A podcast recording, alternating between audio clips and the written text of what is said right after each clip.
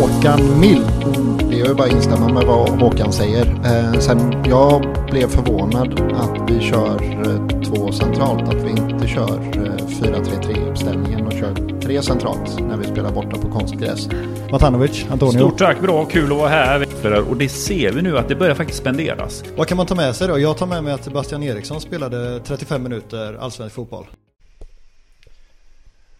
Då säger jag hej och välkomna till Kamratpodden avsnitt 14. Och idag sitter vi här med en av de allra största i Blåvitts historia. Från Hästra till Grimsås via lilla Jerusalem till eh, lilla Göteborg. Från division 2 till allsvenskan. Under sina tre sessioner spelade han 464 matcher för IFK Göteborg. Och om man letar en gemensam nämnare för alla de titlar Blåvitt under, vunnit under de senaste 17 åren så kan jag berätta att den stavas Nils-Erik Mattias Bjärsmyr. Ett SM-guld och fyra kupptitlar samlade han på sig innan det var dags att stämpla ut från Kamratgården efter lyckat dagsverke. Han har vunnit ligan i Norge och Grekland samt varit proffs i Turkiet. Känslan var att Bjärsmyr värvades in som ersättare till säsongen 2020 men 20 matcher blev det i allsvenskan och det året, det året och om jag räknat rätt var han på plan under lagets samtliga nio nollor den säsongen. Utan honom vågar jag påstå att Blåvitt hade tagit färre än 34 poäng det året. Välkommen till Kamratpodden Mattias Bjärsmyr. Ja, stort tack och vilken fin eh, presentation. Ja, det är du värd. Vem är den bästa du spelat med i Blåvitt? Oj, bra fråga. Men eh, jag har spelat med väldigt många bra spelare i uh, Blåvitt. Uh, alltså skulle man se kanske meritmässigt och det här så skulle jag väl säga Marcus Berg va? Ja. Um, vem är den sämsta du har spelat med i Blåvitt? ja, schysst fråga. Nej, jag... får, får, får, får jag passa den? Ja absolut, nej jag skojade bara. Ja, tack. Um... Men du var här när spanjorerna var här va? Pedro? Uh, ja, Javier Depé, men det... Otrolig det, vänsterfot. Ja, det lite roliga med honom var ju att det var ju en helt fantastisk spelare. Mm. Sen givetvis hade ju han de bekymren han hade, men... Uh, ja, vilken vänsterfot och tunnelpass och sånt som... Det är ju detaljer man märker när man tränar med en sån spelare. Så, så uh, ja, jättefin spelare. Sen var han ju dålig här.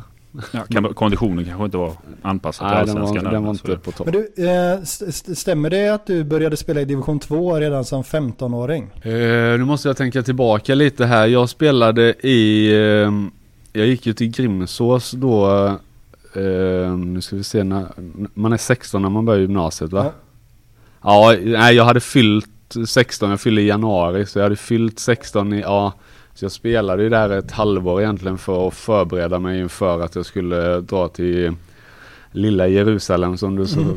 vackert sa eh, och gå fotbolls, eh, fotbollsgymnasiet. Så jag, jag eh, gjorde säkert någon match, var mer med deras, de hade tipselit i Grimsås faktiskt och mm. mötte faktiskt Blåvitt. Eh, jag minns det så väl för min storebror var i Blåvitts eh, utrupp på den tiden. Ah. Mäktigt. Hur var det när du kom till eh, Blåvitt och vad var den största skillnaden liksom? När du kom där från division 2, allsvenskan är ju ändå ett topp ju. Ja absolut och, och Blåvitt eh, är ju en jättestor klubb eh, i svenska mått mätt liksom och komma då från division 2 så det var ju ett stort steg för mig på ett sätt. Ett sätt som jag hade egentligen klarat mig igenom var att jag tränade mycket för jag hade väldigt mycket träning med fotbollsgymnasiet och med division 2-laget Huskvarna då. Så jag, just träningsmängden och så blev nästan mindre. Mm -hmm. Låter kanske konstigt men, eh, men eh, däremot så, så var ju allting tuffare liksom och det var ju verkligen eh, några steg upp. Och, och här i Blåvitt när jag kom så så fanns det några gamla goa rävar med ja, Håkan, Mild och Ölme, Bengan, eh, Alexandersson. Mm. Så det var liksom tuffa tag från, från dag ett. Men eh, samtidigt så hade vi, vi var ett gäng yngre som var ungefär i samma ålder så vi kunde hålla ihop och, och har sen dag ett känt mig väldigt välkommen här i Blåvitt och, eh, och, och det har givetvis hjälpt mig liksom att få en sån bra start in i det professionella fotbollslivet. Men blir- man blir lite nyfiken på, alltså när, när insåg du att det, det fotbollsspelare, det, det kommer jag kunna jobba med länge? Ah, Nej, det har jag nog aldrig insett så. Det, alltså, det är klart, när du kommer till, till hit till Blåvitt, en allsvensk, på den tiden en toppklubb. Eh, och eh, får börja spela och, och spela, spela regelbundet, då märker man ju att, att eh, det här kan jag syssla med. Jag kommer inte behöva flytta tillbaka till Huskvarna, Grimsås hästar igen utan det här kommer jag kunna köra om jag om jag lägger manken till och, och är seriös och professionell. Ja. Och på tal om Småland och sådär, hur, vad, vad är dina tankar om matchen igår? Och varför fick du inte hoppa in? Eh, det vet jag inte. Det, inhopp och match, matchcoachning är alltid en fråga för, för coachen. Eh, med all rätt. Så det vet jag faktiskt inte. Eh, men just det var lite så, jag kan ju tycka att det var lite kul, det är kanske bara jag som tycker det, men att jag någonstans också fick avsluta i Småland kan jag tycka var lite kul så för, för min egna skull och att det var precis jämte Blåvitt-klacken igår så var det faktiskt en skylt där det stod hästar som jag la m- märke till. Det är väl, jag tror det var, nu ska vi inte göra re- reklam men för, eh, där min pappa jobbar på Hästra inredningar faktiskt. Så, så det var lite kul. Ja, verkligen. Men vad, vad tycker du om matchen då? Eh, alltså jag tycker väl eh, då, Värnamo börjar väl bäst utan att för den delen vara speciellt spetsiga. De är som ganska många andra allsvenska lag. eh, Fina, passar mycket och, och hela ganska trubbigt. Men eh, sen tycker jag att vi, vi i första halvlek har de bästa chanserna. Eh, Bångsbo har en bra, bra på en hörna. Eh, vi har väl ett halvt friläge också där deras gubbe nickar den till eh, Eman Ja, som, eh, är- som är nära. Eh, sen har vi ju 1-0 i paus. Eh, sen gör vi, gör vi 2-0 ganska tidigt och där någonstans känns väl matchen hyfsat stängd. Sen gör ju de faktiskt 2-1 Mm. innan Bernardo tar sitt, sitt, eh, sitt röda då. Så det man har ju suttit på, på bänken här nu i höst och det har varit liksom jämna matcher och, och sådär liksom. Och då är det ju, sitter man ju där med en liten klump i magen. Det var rätt skönt att slippa det igår faktiskt. ja just det. Uh, Antonio, vad tyckte du om matchen då? Ja, den började ju avslag. Jag skrev ju det i våran tråd där att här matchen känns utcheckad för säsongen. Men det var, sen blev det på något sätt lugnt och kontrollerat. Och det är som eh, Bjärsmyr säger där, det är, man har inte haft många matcher där man har liksom haft en hög puls fram till eh, sista minuten. Men det här var ju ett bra avslut. Eh, det var kontrollerat. Det var härligt att se Norlin som fortsätter att producera poäng. Man, pratar, man glömmer oftast Norlin men det är en kille som har haft en, eh, alltså, en bra säsong poängmässigt sett så har han tagit sig, står både för mål och assist här nu. Och det jag tar med mig från gårdagen är ju just att det, jag kommer inte ihåg när vi hade två spelare som står på plus 10 mål efter en allsvensk säsong. Vet du det Mattias? Jag kollar bak till 2009 men jag hittar inte den. Det, jag såg inte ens att vi hade två spelare med i skytteligan eh, topp 10 ens.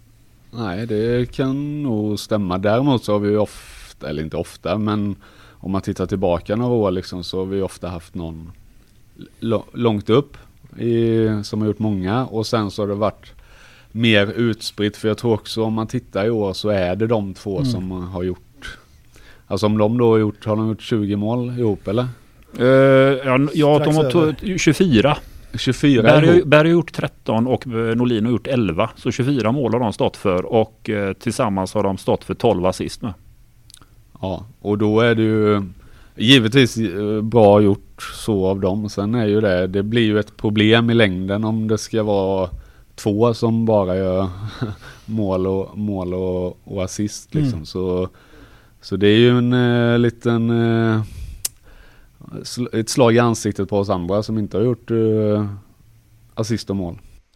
Men eh, om man då, är det, är det svårt att motivera sig för den här typen av match? För den gäller ju inte jättemycket. Det är ja, egentligen säkra åttondeplatsen i stort sett va? Ja, nej det är klart, klart, att det var den veckan som var här nu sista. Nu, nu ska jag inte säga för vad alla andra känner för jag har haft en ganska speciell vecka mm. så i och med att jag ska lägga av och det här men, men det, det var ju verkligen ett hårt slag mot, mot, mot Häcken och man pratar om att Helsingborg hemma, att luften gick ur lite, lite där kanske när man ja. tittar tillbaka och sen det är klart att, att någonstans så går väl luften ur efter en sån match mot Häcken och vi som du säger har ingenting att spela för mer än att ja, säkra en åttonde plats då. Ja. Uh, uh, sen så, alltså där, därav så tycker jag också att det var starkt igår av uh, de som spelar att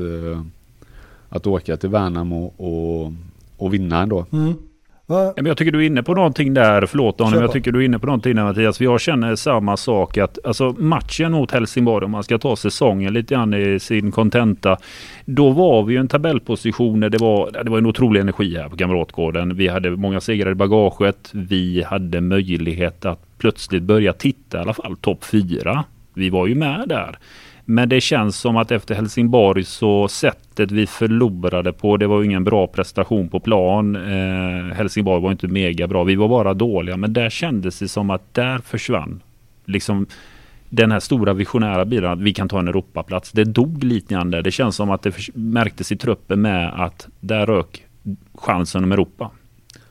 Ja, sen, var det, sen är det ju så, det är ju ingenting man det pratar man ju inte om i en, i en trupp, i en grupp så att ja, nu, nu pajade vi det här utan, utan det är väl mer känslan efteråt nu kanske att, att det blev så. Mm. Eh, sen är det alltid liksom så här, jag tror man ska, alla i de lagen där jag har varit med och vunnit så, så har man aldrig pratat egentligen under säsong, ja men nu har vi chans på topp. Utan man kör på. Man, det är lite tråkigt men sant att en match i taget. Det, går det bra så hamnar du, hamnar du som i en bubbla liksom. Mm. Det flyter på. Och skulle du då torska en match så är det relativt lätt att hitta tillbaka. Om du inte har pratat så mycket om att titta topp top tre, topp fyra. Mm. Alltså ha det framför sig. För då är det som det kanske blev nu också att luften gick ur lite. Och och Helsingborg är ju många matcher sen. Vi har ju haft ja. bra mycket mer lägen efter det också och komma högre upp i tabellen och ändå. Mm. Eh, men jag tror man ska passa sig, får ju Blåvitt ett litet tips av mig då kanske att, att man man ska passa sig för det där liksom att räkna ner och, och bocka av och du vet. Mm. Titta, alltså, man kör på och så så givetvis, tabellen är ju där och man kan se den. Alla har ju Instagram och, Twitter och allting. Så, så det, alltså, den är ju framför oss hela tiden. Men jag tror man ska passa sig för, för det för mycket i alla fall. faktiskt. För ni, ju, ni jobbar ju så med Mikael Stahre att ni jobbar ju med de här berömda boxarna. Mm. Fem matcher i taget. Mm. Att man tittar hur det har utvecklats den här boxen. Sen släpper man den boxen och går in i nästa box. Mm. Hur eh, nu har du haft olika tränare, men det sättet att jobba i boxar, hur känner du kring det? För då är man inte kanske inne så mycket i tabellen, utan då är man inne i de här fem matchers fokuset, vad som händer här. Ja, det, det kan vara eh, bra om man, om man liksom, som vi också gör, alltså titta det där kan ju gå i trender lite grann också, alltså spelmässigt och mm. hur, hur, det ser ut. Det kan jag tycka är bra. Sen Sen är det ju lätt räknat då för man pratar ju ofta om att man ska nå de här, är det 63 poängen? Ja. Ungefär för, ja. Eh, men jag tror, jag tror man ska, det här är vad jag tror på givetvis, men att man ska, att man ska inte räkna så mycket utan mer liksom jobba med, med det man ska med spel och sen liksom för den bubblan vi hade då i somras då när alla, som du sa, det var high life här uppe och hela, mm. hela biten liksom. Det, det är den känslan man vill ha utan att man för den delen pratar så mycket om vad som kommer hända i höst och så mm. utan Utan, för det vet man ju alla lag som, det, det lag som ska vinna SM-guld, är det alltid nej vi pratar inte om det, vi pratar inte om det. För man ska inte prata om det. Nej. nej. Och det kan jag ju tycka att så ska det vara lite under säsongen också. Sen ska man ju givetvis, givetvis ha en vetskap vart du är och vart du ligger liksom. Det skiljer sig lite från klubbar där jag tänker en klubb, på en klubb som Malmö FF som har parkerat SM-guld de senaste åren och har som tydlig målbild att man ska ta en Europaplats. De har ju sagt det, det är ju alltid topp tre. Man märker ju vad som händer med ett lag när man inser att vi når inte SM-guld. Vi når inte en Europaplats och det ser man ju på Malmös 11 senaste prestationer. De har en seger. Det är ju anmärkningsvärt. Ja, bara en liten sak innan vi lämnar, innan vi lämnar Småland helt här. Ehm, ja, såg du att Sebastian Eriksson skulle komma tillbaka i och vara i så gott slag som han har varit nu under de här matcherna som han ändå har startat på slutet? Såg du det komma liksom? För han har varit jättebra ju. Eh, ja, alltså, Sebban har haft eh, många svåra, svåra skador. Eh, och han har ju kommit tillbaka från alla på ett väldigt bra sätt. Eh, så därav är jag inte förvånad. Sen var det ju lite så att man kände när han drog i hälsenorna bara shit ska han verkligen klara det här också liksom. Mm. Men det har han gjort och visat otrolig, otrolig styrka eh, mentalt men också alltså, fysiskt. För det är inte lätt liksom att, och komma tillbaka och så, som du säger nu på hösten har han ju spelat rätt mycket och det är tunga matcher på, på gräs och sådär och, och hållit ihop sitt spel bra så eh, nej, eh, det han har gjort det väldigt bra. Um, vi drar tillbaka tiden lite då. 2005. Antonio, vad, vad kommer du ihåg av, eh, av det Blåvitt som var, som var då? Som Mattias kom till? Oj, 2005. Alltså det, jag kommer inte ihåg så mycket. Det var, rätta mig om jag har fel, det var väl Arne Erlandsen som var tränare. Stämmer. Ja, då hade vi... Det var en tid där jag tycker att det hände mycket i truppen. Det började komma in lite unga spelare som fick speltid. Vi såg, eh, jag kommer ihåg Pontus Wernbloom, eh, inte Toto-cupen mot Wolfsburg var det 2005. Eh, häftig match på Gamla Ullevi. på den tiden Europamatcher inte drog publik. Det var bara 1500 pers. Men det var en kaxighet, det var någonting nytt och det var också att vi vågade chansa med unga spelare som fick mycket speltid. Vi hade en tränare som, eh, ja, han var väldigt rak och tydlig. Om det, inte för, det, det var en eh, viss typ av ledarstil. Sen kommer jag ihåg därefter att 2006 fick vi en ny sportchef och det började formas någonting nytt som då ledde till 2007 där vi vann guld. Det är vad jag kommer ihåg från den tiden. Att det, det blev ett väldigt intressant spår. Gio Ren kom in i leken och det gick väldigt fort från det att vi inte ens... Vi var inte tippade för att ta något guld det året. Men allting föll på sin plats och det blev ett guldår. Ja, men det är ju, ja, det är ju jag kollar lite på truppen nu. Det är ganska många unga spelare ändå. Alvbåge får väl ses som halvung 2005 ändå. Adam Johansson, Kalle Svensson, eh, Wernbloom. Det är ju en eh, otrolig, eh, och många av de här unga spelarna har ju gått jättelångt ju. Alltså Wendt, ja du, Wernbloom, Marcus Berg hade Marcus en hyfsad Berg, karriär efter det också. Eh, George Morad, Idje var med också, var en sån sak. Ja, nej, vi hade, vi hade ett, ja med facit i hand då, väldigt bra lag. Eh, det vi kanske vi inte visste där och då, lite som ni är inne på. Eh, men en bra mix, med unga och, och äldre eh, skulle jag alltså beskriva den truppen. Mm. Eh, och vi hade förbannat kul. Mm. Det tror jag alla, alla under den tiden upplevde.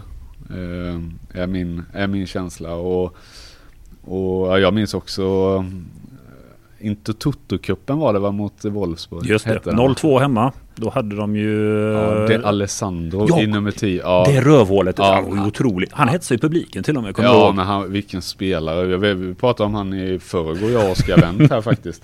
Kommer du ihåg det alldeles? Ja, det är klart jag gör det liksom. Så. Han hade ju en lyckad session sen. Det gick ju bra för honom i Europa. Så han var landslagsman Argentina. Ja, Wolfsburg är jätte, jättebra lag då och jag vet vi var och spelade borta. Jag minns inte resultaten i de matcherna, matcherna riktigt. Och jämnt nere i Wolfsburg dock. Var det jämnt? Ja, vi förlorade inte stort. Det var hemma vi åkte på den. Ja, Diego var... Klimovic höll ju på att härja där ja, i anfall. Men det var, det är sånt jag minns också. Det var det var väl min första i karriären där jag kommer till en sån superfräsch arena. Allt topp, topp. Eh, jag tror vi tränade säkert där dagen innan och man gick bara oh shit bänkarna har de sådana bilsäten mm. du vet. Volkswagens, ja, ja, och allt i omklädningsrummen, det var bubbelpool och sånt där som, som man var första gången för mig som, som spelare att få uppleva, uppleva det. Man hade ju varit iväg med, med ungdomslandslag och, och sådär liksom, men det var ju inte sådana arenor vi spelade på. Det var ju Barry i, i England och, och lite sånt. Så, mm. Ja, nej, det var sjukt häftig upplevelse så, som jag faktiskt, jag tror vi lärde oss mycket av.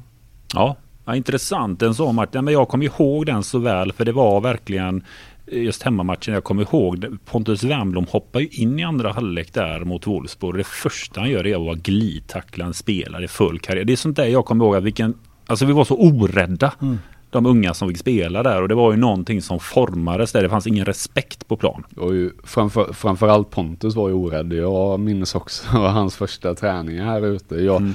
Jag hade ju kommit från Huskvarna så jag hade ju varit där hela vintern. Jag tror han blir uppflyttad sen. Arne gillade ju den typen av mm. spelare också ska jag säga. Så och han, vi kör något eh, smålagsspel och du vet det skriks och gapas och, och han är ju värst liksom. Mm. På, och så hans första träning och han glider upp här i, i målarbrallor för han har varit hos sin, sin farsa och målat och innan. Ja det var, ja kul, roliga minnen. Kul. Mm. Um, och uh, alltså, ja, men det är ju helt otroligt framgångsrika spelare. För sen kom ju Sebastian också ju. Eh, och Jakob eh, 2006 va? Kommer Jakob så tidigt? Eller? Fan var han 13 år då eller? 2007 Han kom som 15-åring om inte jag minns helt fel. Ja det kan nog stämma.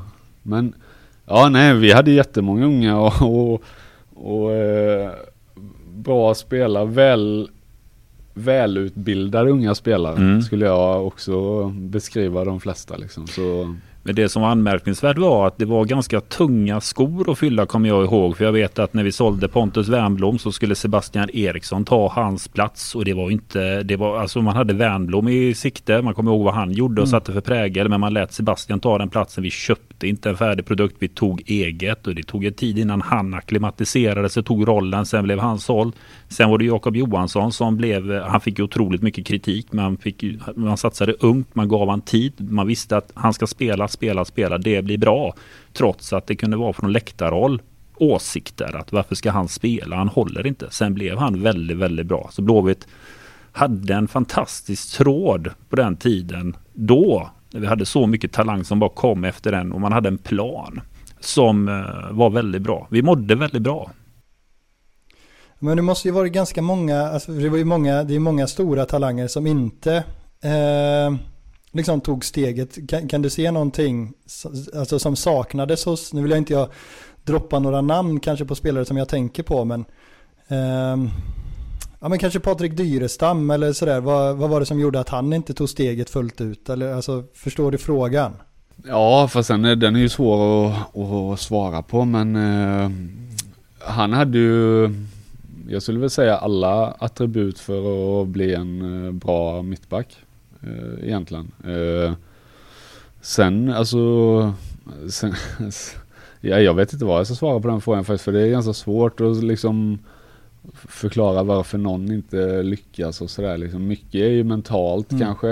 Eh, sen säger inte jag att det var det för Patrik men det liksom eh, Det kan vara att du ökar explosionsartat i träningsmängd och, och liksom sådana saker. Så det, det, det där är en rätt svår fråga faktiskt som jag gärna hade velat svara på men jag, jag tror inte jag kan. Nej. Sen 2007 som sagt SM-guld, hur, eh, hur var det då? Nej, också, ja, det är ju det finaste minnet jag har i, i hela min karriär. Eh, och det var det var ju väldigt speciellt. Dels för att Blåvitt inte hade vunnit på ganska många år mm. innan det. Eh, och så, så som vi ändå gjorde det, vi pratade innan om truppsammansättning då, men vi var ju fortfarande, i alla fall relativt unga, vi var inte superunga men vi var väl, ja 21 var väl jag då va? ja 21. Mm. Eh, och Ragge var 21. Eh, så hade vi Ölme som var 36 kanske, Mm. Bengan var förut. Vi hade ju en helt otrolig mix och, och, och, eh, och det var verkligen ett lag som, som liksom körde på hela tiden och vi körde yngre mot äldre här ute på träningen i stort sett varje dag. Jag tror de stod nog bara och garvade liksom tränarna för att det måste vara stor humor när vi spelade. Mm. Det small och det skreks och det var, nej, eh, en galen lag, lagkänsla och lagmoral gjorde nog att vi tog det SM-guldet. Ja, Tobbe Hysén som värvades in där på sommaren som inte riktigt har hittat sin rätt utan det kom ju sen och som en skön reserv där också som värvades sen från Sunderland tror jag det var. Eh, han köptes tillbaka men, nej, men det var en otrolig mix där och då hade vi guldet. Vi hade ett Champions League-kval. Sen 2009 så blev det utlandsäventyr för Mattias Bjärsmyr. Panathinaikos, en tid grekiska ligan anser jag stod mycket högre än vad den gör idag. Den har ju halkat lite efter men eh, på den tiden var ju Panathinaikos den stora giganten i grekisk fotboll. Va? Ja det var den. Ja, eller det, det var väl ihop med Olympiakos. Olympiakos skulle jag säga. Men det, det som var var ju att Panathinaikos året innan, jag tror de var i kvartsfinal i Champions Mm. League. eh, hade ju hade ju ett jättebra lag. Mm. Alltså med bra spelare. Cissé var bra där. Värvades inte han samma sommarfönster som dig? Jo. Han kom ju från Marseille där. Ja, var det från Marseille? Ja, det var, ja, det 100 finns- miljoner landade den affären på Ja, den okej. tiden Ja. som han köpte loss. Eh, Och sen var det någon, eh, jag kommer inte ihåg namnet, någon argentinare från Liverpool också va? Leto, Just Sebastian det, Leto. just det. Eh, lika gammal som mig, han kom också samtidigt. Eh, alltså, alla greker vi hade var landslagsspelare. Mm. Eh, Gilberto Silva är väl den, ja det är ju den bästa spelaren jag har spelat med som, alltså under hela min Mm. karriär liksom Arsenal spe, spelaren om, Ja. om ni vet vem det är. Jajamän. Så, eh, är otroligt, otroligt lag. Eh, och en, eh, en väldigt häftig upplevelse faktiskt. Från att lämna kamratgården och en viss typ av kultur och jargong till att komma in till den grekiska livsstilen. eh, Hur var det? Livsstilen var ganska enkel för det var Varmt och skönt? Ja, det var ju varmt och det var skönt och det var, nej men det var ju, och där är ju också, det tror jag också liksom, nu hade jag ju varit i en svensk storklubb innan, så Mm. det var ju också bra då liksom att, för det här var en riktigt, riktigt stor klubb där nere liksom, Mm. med all, ja, supportrar och allt vad det innebär liksom, de, de har ju de har ju en mängd liksom så här, Blåvitt har ju också en jättestor Mm. mängd men svenska mått mätt. Alltså sen kommer man dit då är det liksom det är ju faktiskt fler.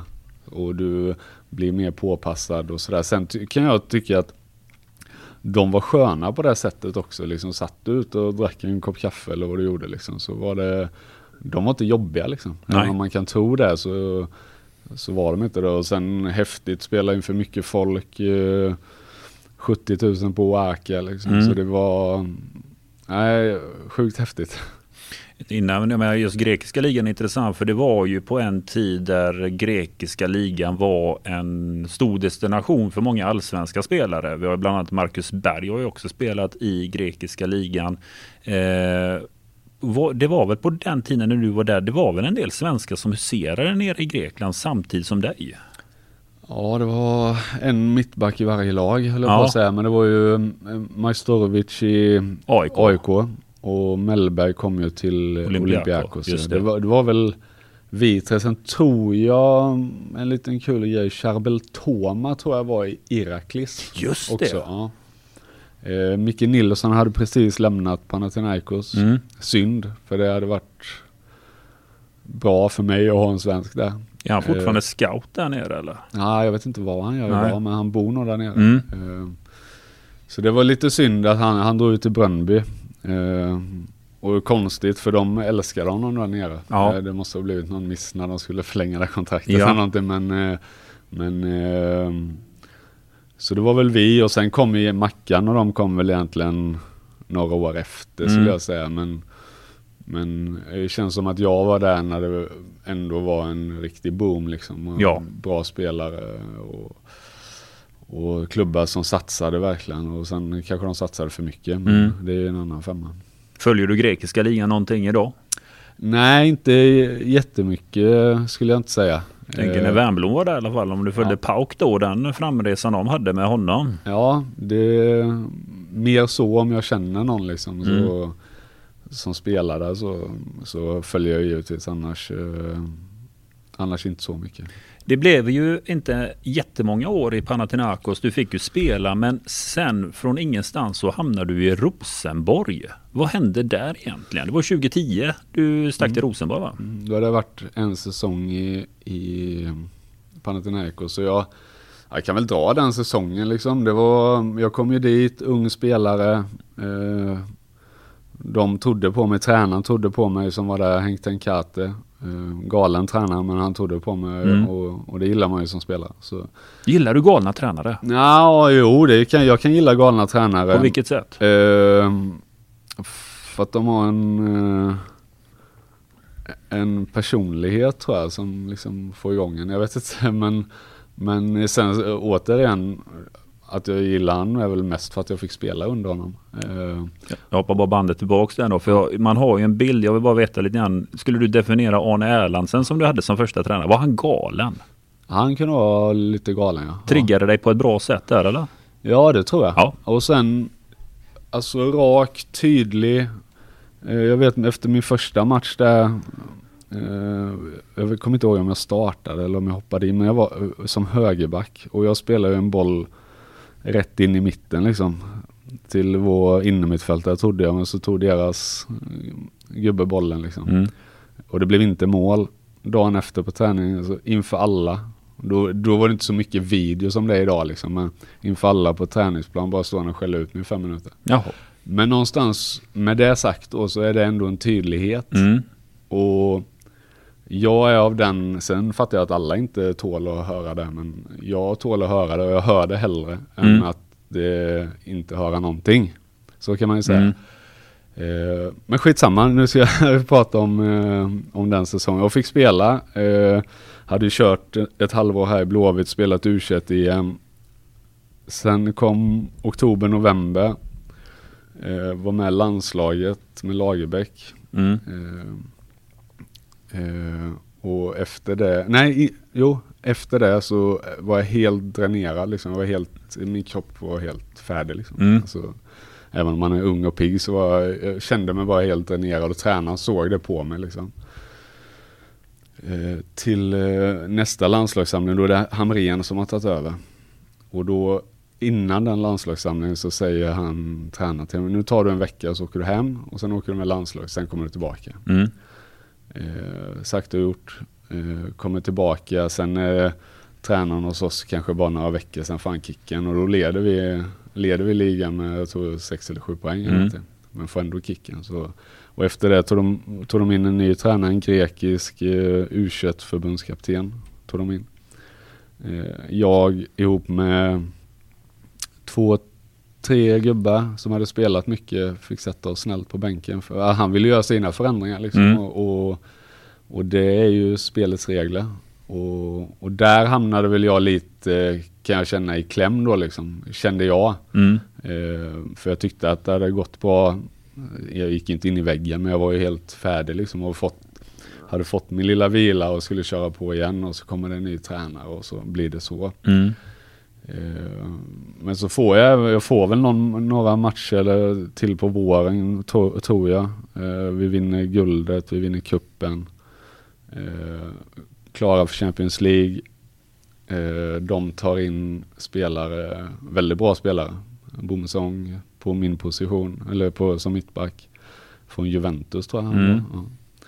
Eh, Sidney Govou från Lyon, massa år i Lyon. Har säkert, han har säkert 10 Champions League-säsonger Nu, alltså det är ju ingen dålig affär. Nej, galna spelare Ja. bara. Så, och jag var ju, vad var då, 23, 24 kanske och kände att jag måste spela matcher Mm. för att utvecklas. Och, så det var väl egentligen jag ihop med min agent Martin Dahlin på den tiden. Eh, som gick till Panathinaikos och sa att jag ville bli utlånad. Mm. Och sen eh, kort tid, transferfönster.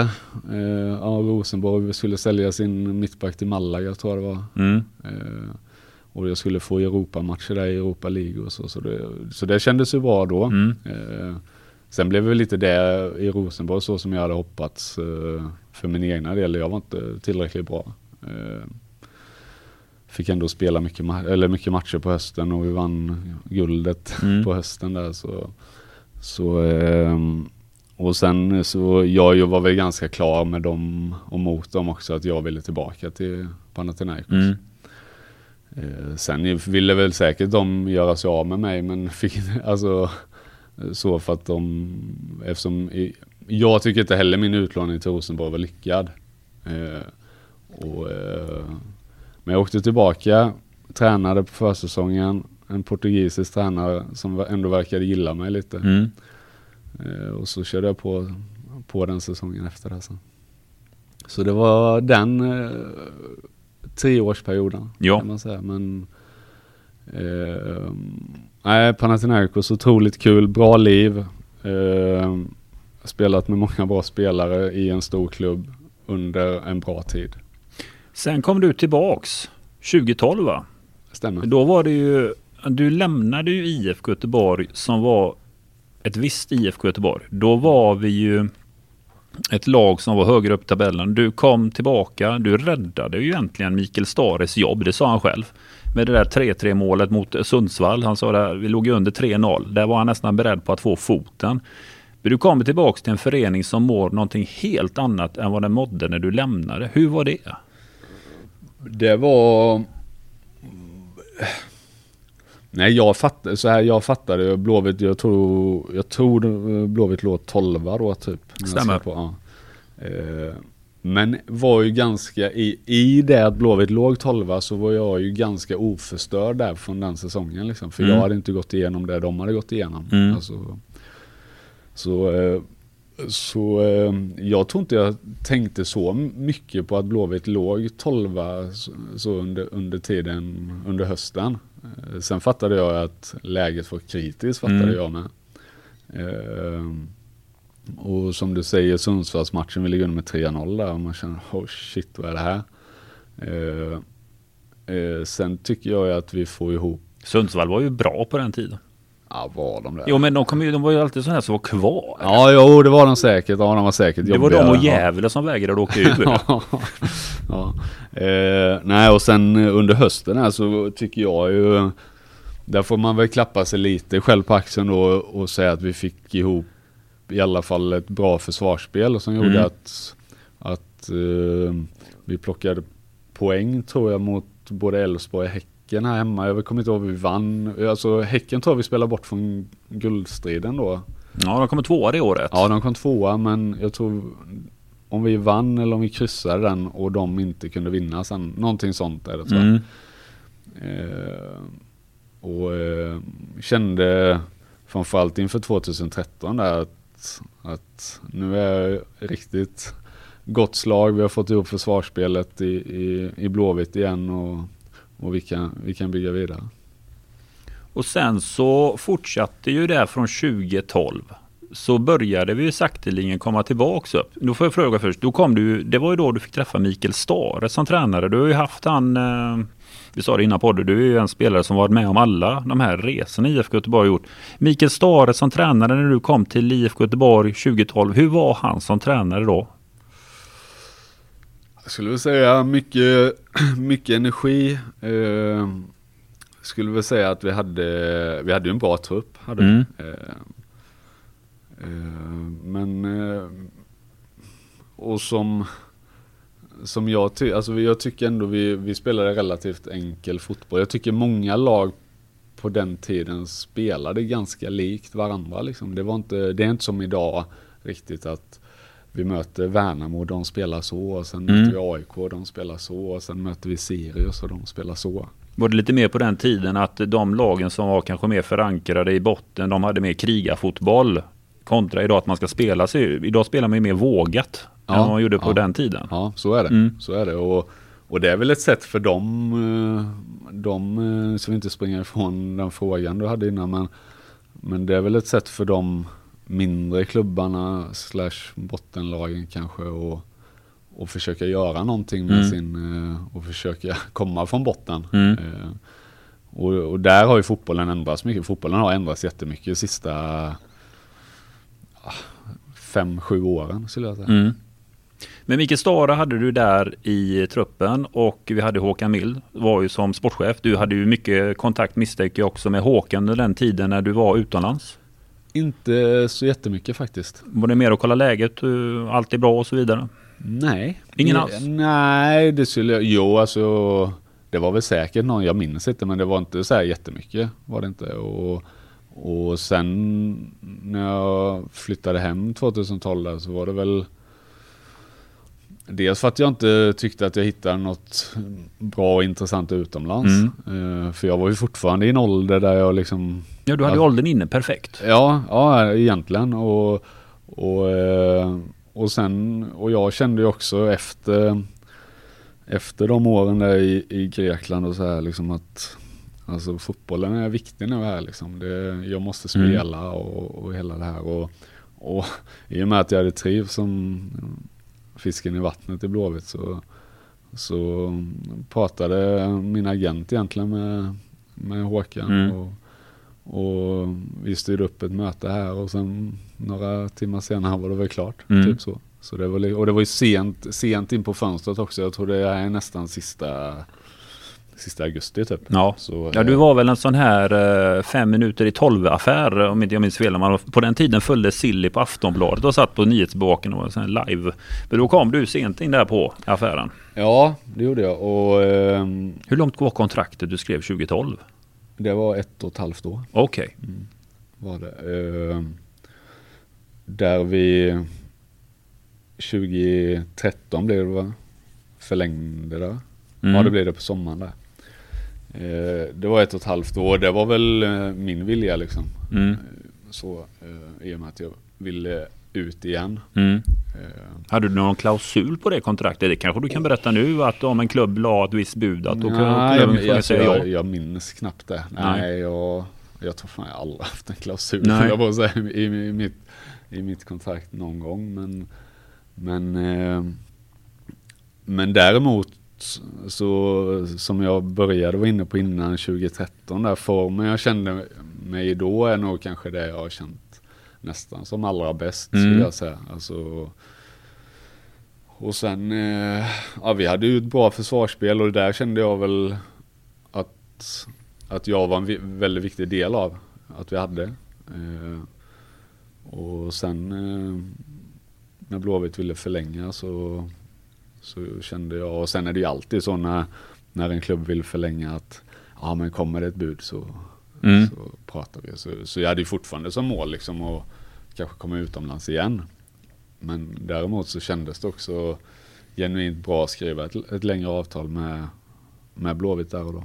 Ni hade ju någonting på gång där för det var ju, vi hade ju en session där, där vi kom tre, sjua tre år i rad. Sen så började det ju klättra uppåt där 2014 och sen kom vi ju tvåa 2015. Jag tänker där när du förlänger 2013, vad, vad märkte du av, vad, vad hände i IFK Göteborg tycker du då? Eh, tju- 2013 är väl det året Ludde kommer va? Ja, Ja. Sam kommer, eller hade säkert varit med lite, kanske kommer från uttruppen, Mm. tror jag, 13. Eh, och jag, vi kom väl tvåa 13 eller gjorde vi inte det? inte tvåa väl? Trea då? Ja, så kan det varit. Eh, och sen så hade vi också, Lasse Vibe kom väl 2013 va? Lasse Mm. ja. den sommaren där när vi spelade kval eh, nere i Helsingborg av alla ställen när vi skulle möta Oj, det var ju ett slovakiskt lag om inte jag minns helt fel som vi Ja. tog oss an. Som jag, den, Trenchin, Trenchin ja. den matchen var jag skadad. Jag har ju haft en, det är också helt sjukt, det har säkert inte folk tänkt på. Det var jag och fysiorna som har tänkt på det. Men jag var, hade ju alltid problem med mina baksidor på sommaren. Mhm. Ja, det slog aldrig fel.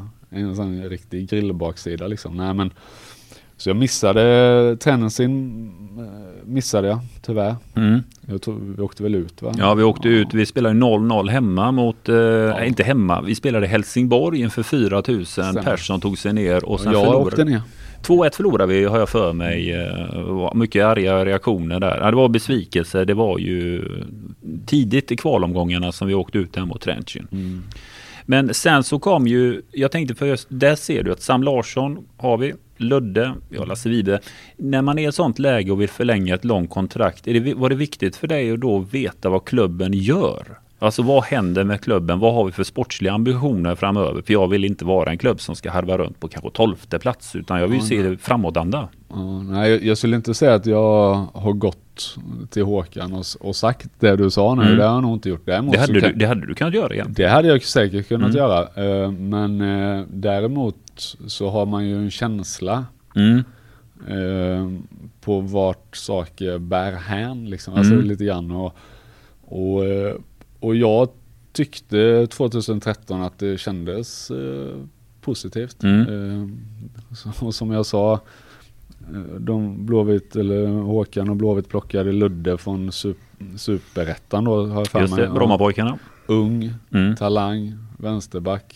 Eh, som jag var väldigt imponerad av. Mm. Sam. Ja, hans spelstil älskar jag. Så Mm. den, den hade man ju velat ha själv. Eller vad? Mm. Ja. Nej, så jag tyckte liksom det var någonting på gång igen. Vi hade ju Tobbe Hysén där också innan Lasse Wibe gott Ja, slag också ja, som nu- öste in, öste in mål varje säsong. Han var, vann ju alltid den interna skytteligan. Så Ja, jag, menar, jag kan ju rabbla fler spelare givetvis, men jag, jag liksom just det här, det som man kan gilla då när de, för Lud- Ludde var ju en färdig spelare, Mm. ung men färdig liksom. Mm. Och han, han kom in och, kom ihåg vi är på ett träningsläge i, utanför Barcelona någonstans och vi bara tränar det Mm. året. Kanske det bästa läget jag har varit på. Mm. Eh, och eh, ja, sj- sjukt imponerad av, av Ludde då liksom. Och det Extremt kan man ju gå, professionell va? Han var extremt professionell direkt när han kom. Jätte superproffsig. Det var ju nästan så här, man ville nästan ge en, eh, alltså en varningsklocka. Bara, du kan inte vara så här seriös. Du kommer behöva lägga av när du är 22 liksom. Ja. För du är trött på fotboll. Men, men han eh, har ju en fantastisk karriär. Så är det. Ja. Han har haft skadeproblem nu de senaste åren dock som har förföljt honom. Men annars, jag menar, han var ju gjuten i Werder Bremen fram till slutet innan det blev Sevilla. Nu är han ju engelska ligan, Aston Villa och härjar.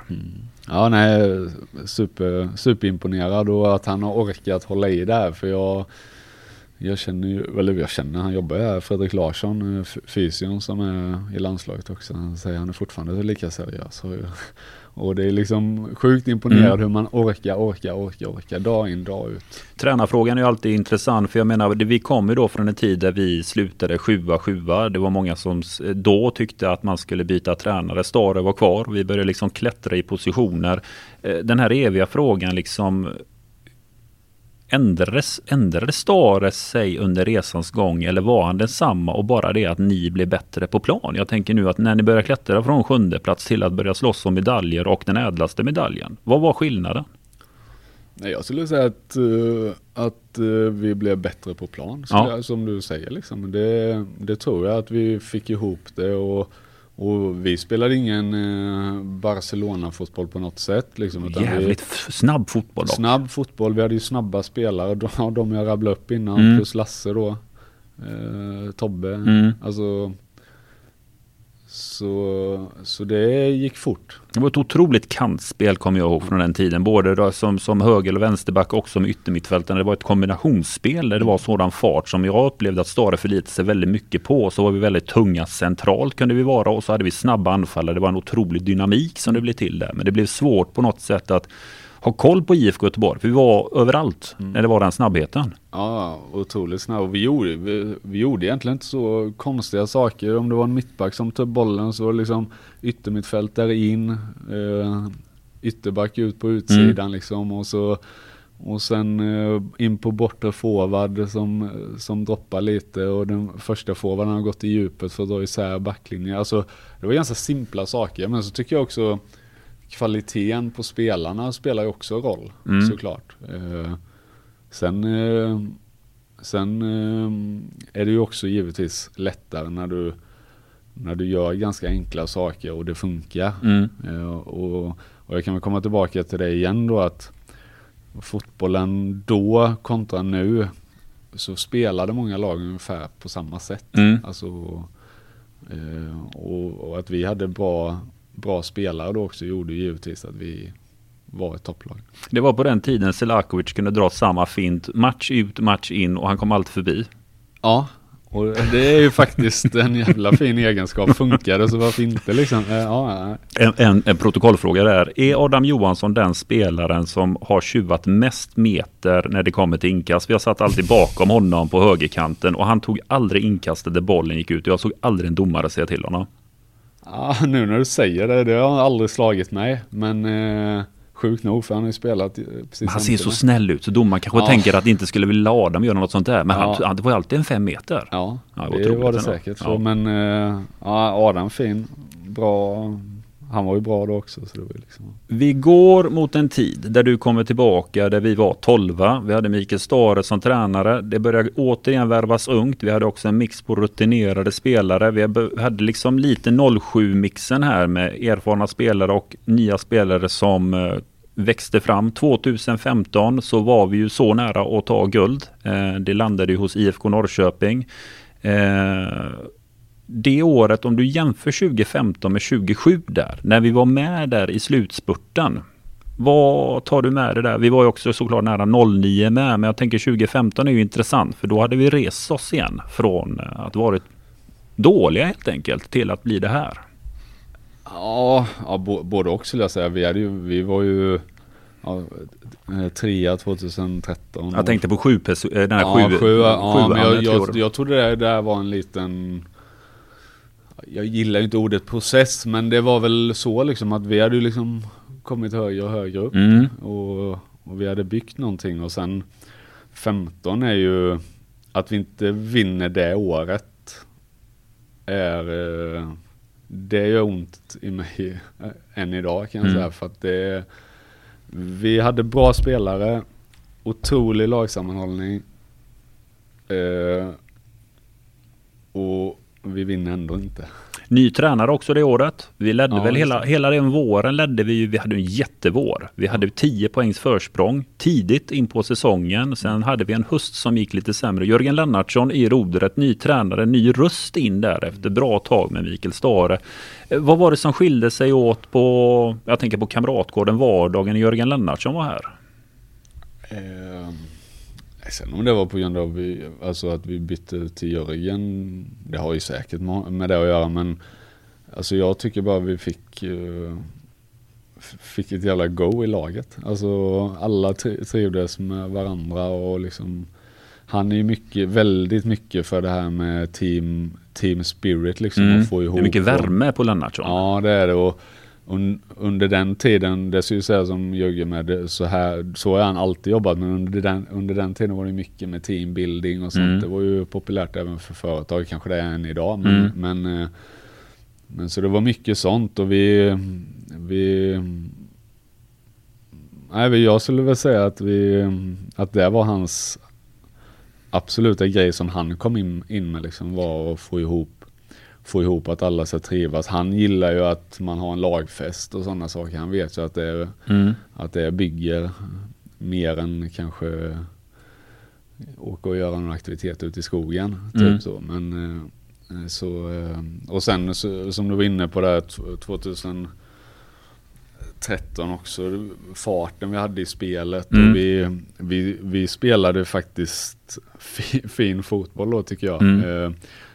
Var väl lite, vi fick väl äta lite för mycket skit för, för att vi hade spelat lite typ av brottarfotboll innan som folk påpekade Mm. glatt för oss. Mm.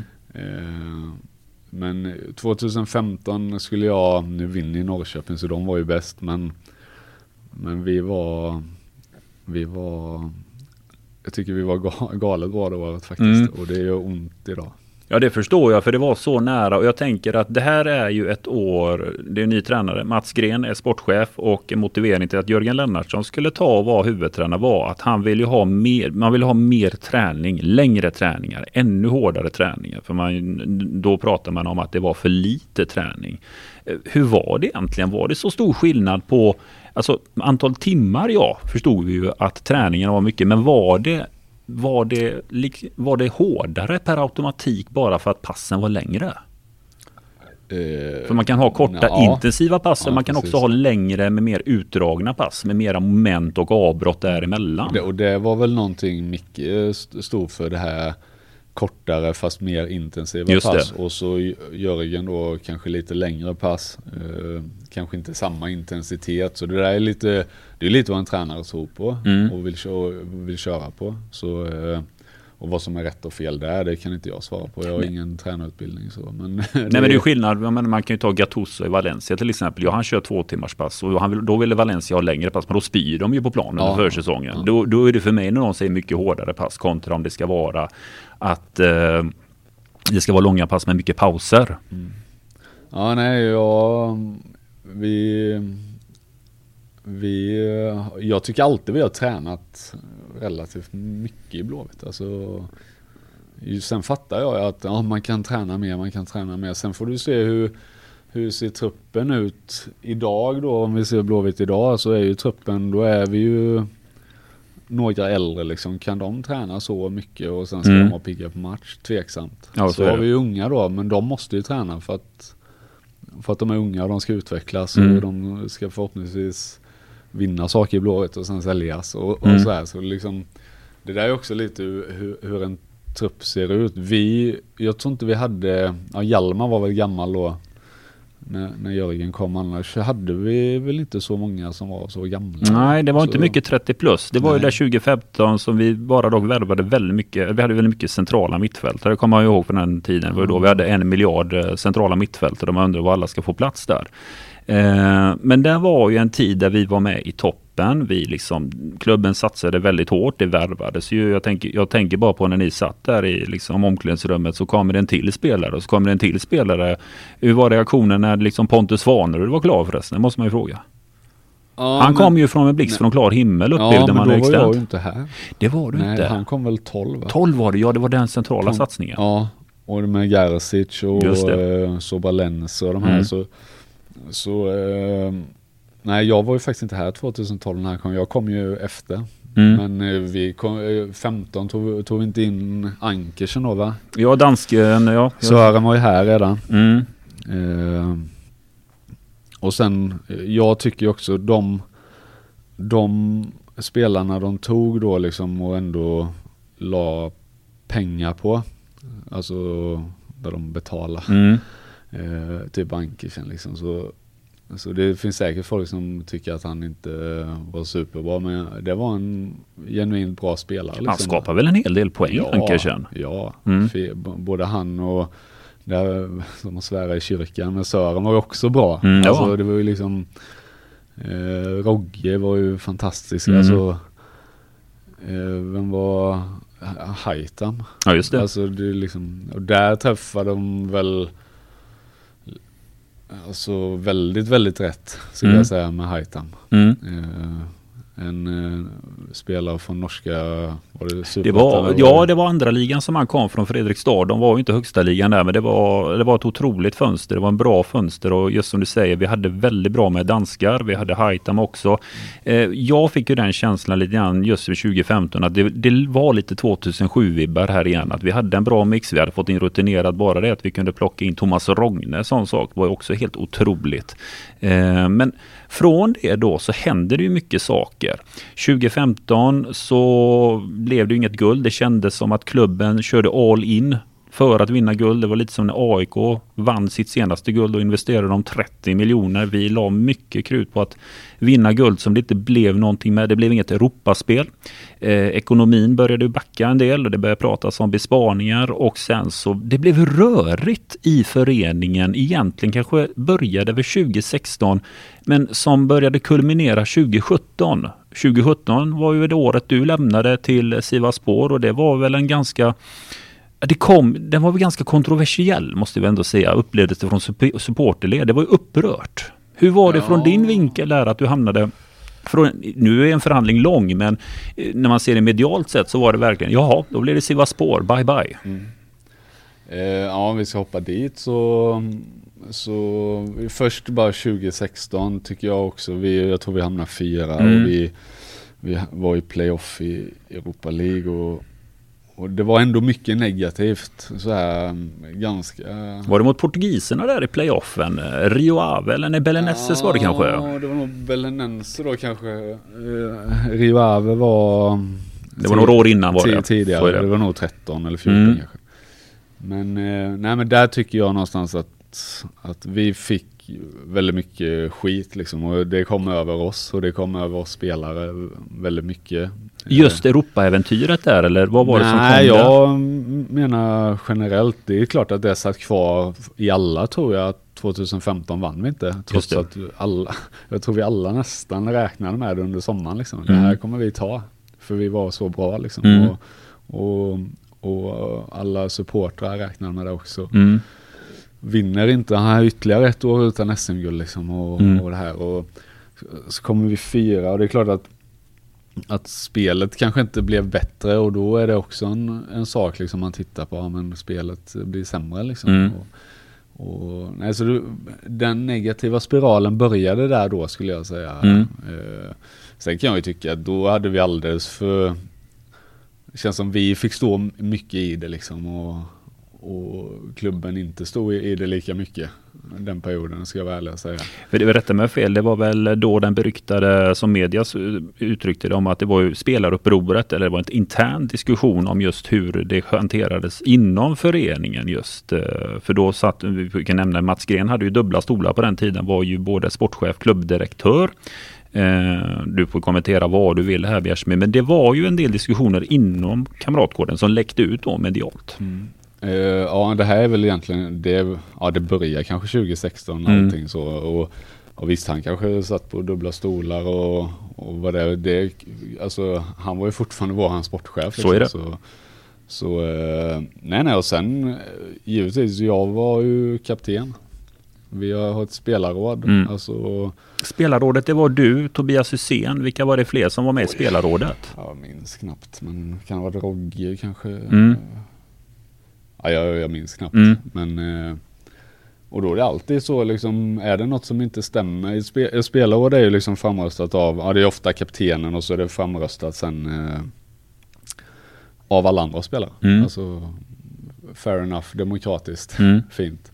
Eh, där man som spelare, som grupp vill ha gruppen någonting de vill ta upp liksom och så här. Och det var saker liksom. Mm. Som, och då skulle vi, då får vi stå i det. Det är mm. vår, vår förbannade plikt och framförallt min. Jag var kapten. Mm.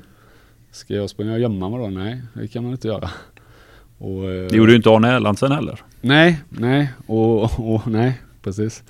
Eh, och, eh, och sen då alltså, det minns man väl inte heller hundra hur alla, hur allt gick och allt var liksom. Men det var, det var inte bra så kan man ju säga. Mm. Uh, och, uh, och sen uh, ja, lämnade jag sommaren 17 där. Mm. sen fattar jag att det, att det utåt sett ser, ser väldigt konstigt ut. Det kunde jag ju också känna att det var konstigt. Mm.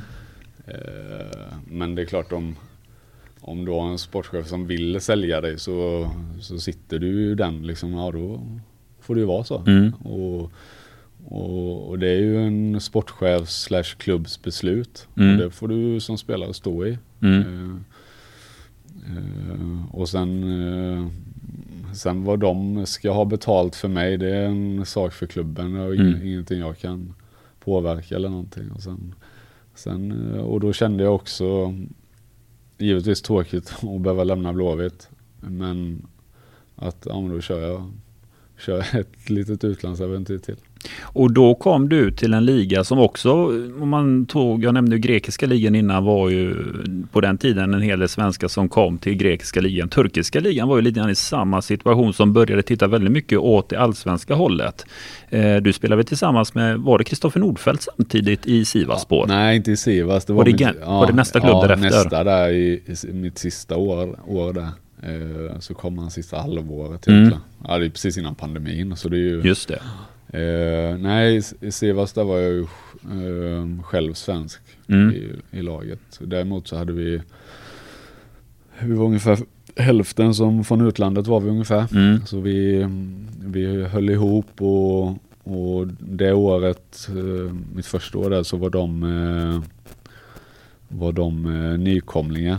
Mm. Eh, just det och de hade åkt ur. Det var en ganska, alltså de brukade ju vara i högsta ligan. Eh, men så de åkt ut och så kom de tillbaka. Jag tror vi slutade sexa det året. Mm. Vilket var bra då och det var väl återigen, nu vann vi ju ingenting med det laget men vi, vi, vi gjorde ändå en, bra, en bra prestation och, och, och grundades ju också i att vi hade otrolig lagsammanhållning och det är ganska kul för det är många så här man man är utomlands, man åker och gör sitt jobb och så åker mm. man hem liksom. Men där, vi hade svinkul och, och ja, där också bra spelare. Mm. Eh, det var ju en eh, omnämnd brasilianare i truppen också där mm. som, eh, jag vet inte hur mycket det påverkar, men du hade ju Robinho i Sivaspor eh, som inte på något sätt har gått ner i karriären men som då var i Turkiet av diverse olika skäl då, på grund av det som hade hänt i Italien. Men eh, det var, var det det namnstarkaste namnet i Sivaspor eller hade vi många andra starka namnkunniga profiler i laget? Nu vet jag inte hur, hur mycket alla kan så om spelare. Vi har några turkar som lyssnar som kommer säkert haja till här. Ja okej, okay, ja men turkar skulle inte jag säga att vi hade de uh, bästa. Mm. Men uh, vi hade, jag kan nämna en som jag verkligen gillade som spelare och även eh, bra, bra kille. Han kunde inte så mycket engelska men väldigt bra kille ändå. Mm. Eh, Hakan Arslan heter, heter han, mm. ska jag säga, för han spelade fortfarande faktiskt. Mm. Eh, men eh, sen som du säger så var det ju Robinho som var the name i laget liksom och så här och, och och eh, ja, givetvis allt det han har gjort är ju fel och mm. som har poängterat det också. Men om man ska se på det fotbollsmässiga då som vi ändå är här och pratar för, mm. så, så eh, var det ju en ot otrolig spelare. Alltså, mm. Han var inte fit när han kom för han kom från eh, semester i Brasilien. Han hade varit i Santos tror jag innan. Mm. Ja. Och eh, han eh, var inte fit men eh, han tappade aldrig bollen. Vi gav han bollen, han höll i den, vi flyttade upp laget så började vi spela. Mm. Ungefär så. Och han gjorde väl inte supermycket mål och, och poäng hans första halvår utan det kom efter den försäsongen året efter, eller sommaren efter då liksom. Mm. Där han fick träna upp sig och sen var han otroligt bra när han var mer fit. Mm blev faktiskt såld till Başakşehir sen efter. Mm. För ganska, ja. Alltså. Var när Erdogan eh, tog över klubben på något sätt. Så att när Başakşehir då gick och tog hem den turkiska ligan. Ja, de eh, vann ju det året sen när de mm. hade tagit in eh, bland annat Robinho. Men, men eh, Uh, nej men då var väl han, var han 35 då eller 34 liksom mm. när de köpte han ändå för, för mycket pengar. Så, mm. så, så nej, en otroligt bra spelare och sen Nej, återigen, han har gjort alla fel man kan göra liksom. Men han, där, inga problem alls så. Sen sitter jag sitter och säger att det är pro problemfritt, men det är mm. liksom, mm. alltså bra kille. Om, det kan man ju inte säga heller kanske, men det är liksom. Nej, men vi fattar på ja. plan utanför ja, plan är ja. ju två olika saker och jag menar eh, Eh, han fick ju spela i Turkiet som tog emot honom där han fick fortsätta sin karriär. Du lämnade allsvenskan här nu. Först var du i grekiska ligan, sen kom du till turkiska ligan. Jag upplever turkiska ligan fortsatt ändå stark på den tiden. Vi många nya arenor byggs upp. Det satsades väldigt mycket på infrastruktur runt om de turkiska klubbarna. Man vill ju, alltså man hade bestämt sig att turkiska ligan ska öka i sin prägel ännu mer ut i Europa. På den tiden Istanbullagen var fortsatt starka med Galatasaray, Besiktas, Fenerbahce. Eh, hur upplevde du ligans kvalitet när du kom nu från allsvenskan ett par år och ställde om till den turkiska ligan? Vad var den stora skillnaden för dig spelmässigt? Jag skulle väl säga att du mötte mycket bättre spelare. Mm. Alltså, du fick, det var kanske någonting som jag personligen behövde också liksom för att vässa min hjärna lite Mm. i, i min fotbollskarriär. Så, men, men äh, som du säger, Besiktas var, tror jag var i kvartsfinal. eller Någonting i Champions League då. Att de hade Just det. Pepe och Nigredo och Talisca. De hade ju galet lag. Mm. Eh, Galatasaray lite på dekis redan då va? Ja, de hade också rätt. Åkte ut mot Östersund inte så många år efter där i kvalet. Nej, jag vet, men eh, en sån kvalet till där hamnar de i lite fel, eh, turkarna då. Liksom, Försäsong. I, försäsong och, och det här och ehm, det är ju lite så här. Det är inte så seriös träning ska jag säga som det är här. Mm. Det är inte så uppstyrt så ska Nej. jag väl säga. Sen tränar man ju givetvis och kör på liksom Mm. så. Men, men det är inte så, så uppstyrt som det är här och kanske i många andra länder. Det är därför tyska tränare ofta blir väldigt uppskattade i Turkiet när de får sätta sin prägel på träningen. För det märker man ju av blir något helt annat över tid. Ja, men det, jag, jag vet inte, det där vet jag inte om det är, alltså, för Koky kom till Fenerbahce, Mm. Filip Koky, Mm. och han skulle ju få tid på sig och bla bla Mm. bla liksom. Tålamod ja. Ah, herregud.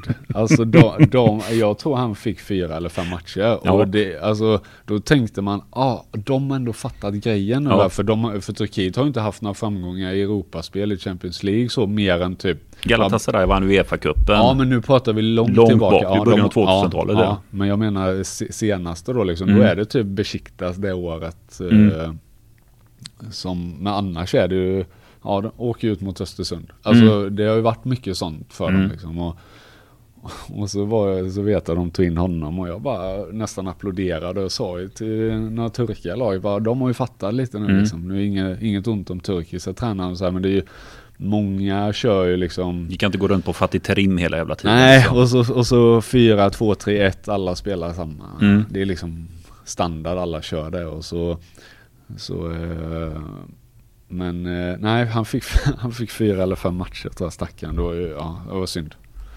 Det blev ett turkiskt äventyr. Det blev en hel del matcher i Sivasspor om inte statistiken säger helt fel. Innan det blev ett eh, klubbbyte till, där är otroligt svår, Gencer Birgli, eller hur det uttalas. Ja, det får, ja, du får uttala det. Ja, ja, vi chansar så. Och där var sista stationen innan eh, IFK Göteborg och ni hördes av igen. Sen blev det tillbaks till Blåvitt här eh, 2020. Också en identisk situation egentligen från 2012. Prekär situation. Vi var på väg egentligen, ja situationen var nog värre. Jo men den var värre än 2012. Vi var riktigt under isen där och det var med Poya Asbaghi som tränare och vi eh, det var ju nästan så att vi kunde hamna på kvalplats. Det redde ut sig till slutet där. Då kommer du tillbaks till en förening i ett helt annat skick. Det, igen. Eh, som har eh, som man upplever externt här byter riktning. Det pratas om en ny sätt. Nu ska vi liksom spela på ett annat sätt och vi ska attrahera andra sorters spelare som vi inte gjort förut och liknande. Vi ska nå ut till kranskommuner. Vad kom du hem till 2020? Ja, typ det du förklarar nu skulle jag säga. Alltså jag tror, så här, i, i min värld nu då så under alla åren jag har spelat i Blåvitt, även om jag kom hem 2012 och Blåvitt låg 12 så ska, är och ska Blåvitt vara ett topplag. Mm. Alltså ska vara eh, helst längst upp men alltså i alla fall där uppe liksom. Och, och det var inte Blåvitt 2020 likt 2012. Mm. Men däremot så fanns det en, det här är min känsla nu jag Ja. säger och det var som att det var mer okej. Förstår du hur, jag menar? Det fanns Alltså, ett tålamod. Ja, det, det blev väl ett tålamod då liksom Mm. och att, att någonstans hela klubben hade någonstans accepterat det lite grann. Att Mm. det var ett tålamod. Eh, Sportcheferna då, eh, vem hade vi 2020 som sportchef? Det var Kenneth och Fanerup. Ja, vi hade dubbla roller med Max Markusson som klubbdirektör Exakt. och Poya Asbaghi som huvudtränare. Eh, det var en tid där vi pratade om att då skulle man, Max Markusson sa ju det tydligt att vi har ett par tuffa år framför oss för nu måste vi liksom eh, dränera, sanera och bygga upp ekonomin igen. Och som du säger, det fanns en förståelse på ett sätt där upplevde vi också i supporterled att det var en resa av något slag vi skulle börja igen. Från det att vi då 2020 eh, klarade kontraktet så hände det en hel del därefter. Vi fick en, eh, vi fick en ny huvudtränare. Eh, vi hade ju Rolle Nilsson plötsligt in i leken och som sen då blir Mikael Stare. Utifrån så upplevde vi ju tiden ganska stökig på Kamratgården. Eh, Kenneth Andersson slutade, Pontus Svanerud tog huvudrodret och sen så lämnade, fick Max Markusson eh, lämna skeppet. Hur var den här tiden här nu om vi tittar 2020, 2021 här nu för er spelare? Man får alltid höra svaret att men vi påverkas inte av det. Det som händer i styrelserum och så, det påverkar inte oss på plan. Men alltså det måste ju vara en liten lugn Mattias Bjärsmyr. Jag menar, vi sitter ju i samma byggnad och man vet att folk har fått foton och liknande. Det är klart ni berörs eller? Det, det, det är klart, alltså alla, alla vi är ju människor liksom, mm. likt uh, alla andra. Så så det, det, är klart man berörs och vi kan ju gå tillbaka igen liksom. Det har ju varit, Blåvitt har ju varit, det är klart en ordförande om den byts kanske inte märks av på samma Nej. sätt för det är ju inte här. Men däremot när det är folk i byggnaden så här som... Ja, klubbdirektör tänker jag, sätter ju sin prägel. Klubbdirektör, verkligen. Uh, det är klart att, uh, det är klart att, att man berörs. Mm. Även om du kan försöka vara benhård mot dig själv och säga Nej men jag berörs inte av det. Det är klart du gör. Mm. Det är klart det är så. Och, eh, och det har varit mycket, mycket skiftningar på positioner i, i, IFK sista, vad blir det då, två, mm. två och ett halvt åren. Tre år kanske. Eh, där de också nu, det sista då, kanske bytt lite riktning också. Jag skulle väl säga att när vi bytte till roller så, så var väl riktningen ungefär densamma, skulle mm. jag väl säga. Eh, sättet eh, Blåvitt ville spela på och så vidare. Liksom. Och, sen, och sen skiftningen till, till Micke då är väl, den är väl större, det är väl större skillnad då kontra mm. från eh, Poja till Rolle till Micke. Alltså, mm. ja. Jag tänker på det, jag menar du kommer tillbaka till en helt annan förening. Vi har en annan klubbdirektör, vi har andra sportchefer, vi har en annan tränare, vi har spanjorer som sitter och analyserar databaser och eh, det målas på tavlor som aldrig förr kanske det gjordes innan. Men just att vi använder oss av och Service. Eh, Alltså hur var det när du satte, kom tillbaka till Kamratgården och ser allt detta? Att vi jobbar med ett spanskt företag. Det måste ju ändå varit lite knepigt det första intrycket du får när du kommer hit. Ja, det, sen sa de ju inte så. Nu nej, sitter vi här och kör ett spanskt. Men, men jag, jag fattar vad du menar. Ja, det var mycket och det var Det var väldigt mycket taktiskt. Mm. Eh, väldigt, eh, det var ju Poja då när jag kom tillbaka och, och han tog, trodde ju på sin idé mm. där med att styra liksom så här, ja, enkelt förklarat typ så här gå forwarden upp och pressa då ska högerytten vara med där och sen ska mm. den där. Liksom. Det var väldigt mycket, mycket styr. Och det var första gången i min, min kar karriär som det var så. Och, och man får ju, alltså givetvis försöker man ju anamma det och försöka mm. lära sig. Och det var ju, kunde jag ju känna också ett rätt alltså, kul inslag i hans fotbolls, fotbollskarriär liksom. Mm. Att få vara med om det. Sen, Sen vad folk tror på, vad spelare hundra tror på, liksom, det är olika för varje individ egentligen. Men...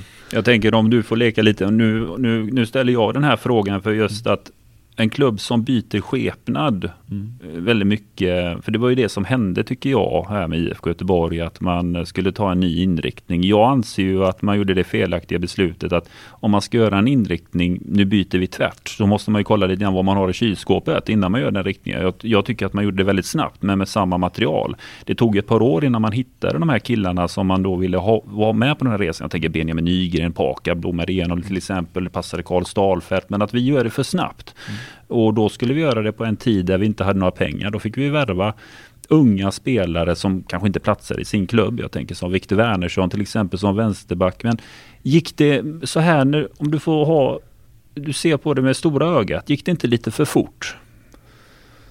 Jo, och den känslan hade jag väl, nu var inte jag här när, när detta, när den här nya inriktningen då skedde liksom. Så så utifrån sett så kunde jag också ha käns- samma känsla Mm. som du säger nu att Jaha, ska de ändra nu bara helt plötsligt och köra det liksom? Mm. Hur ska de få ihop det? Och, eh, som du pratar om. Och, och, eh, och, eh, men det var ju någonting som, som klubben trodde på Mm.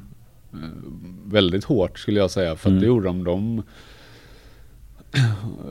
alltså Blåvitt att komma och komma så långt ner i tabellen och ändå få fortsätta liksom. Det är inte många som får det. Nej. Eller har fått det i alla fall. Så, och det kan jag, jag, kan, jag står ju för det här med, med kontinuitet. Det jag tycker att det är viktigt. Mm. Eh, Så där tyckte jag ändå någonstans att, ja, men fan, det är ändå rätt liksom. Alltså de, nu tror de ju på det här och Mm. då får de ju köra på det. Eh, Men nu sitter vi här. Ja, nu har vi kastat ja. hela det spanska projektet i sjön. Och vi har jag ska inte säga att vi har släppt det, men det känns lite grann som att, jag säger inte att vi är tillbaks där vi var en gång innan, men vi är det lite grann ändå. Vi har Håkan Mild tillbaka, vi har visserligen Stare tillbaka, men det känns som att fotbollen kanske har utvecklats sedan dess, men att vi vill ha det vi hade förr. Mikael Stare kommer tillbaka. Håkan Mild aviseras igen att han är, först kom ju Håkan Mild innan Mikael Stare, men när Mikael Stare blir klubbdirektör igen, vad går i din skalle det första du tänker när Håkan Mild är tillbaka? Eh, fan vad bra. Ja.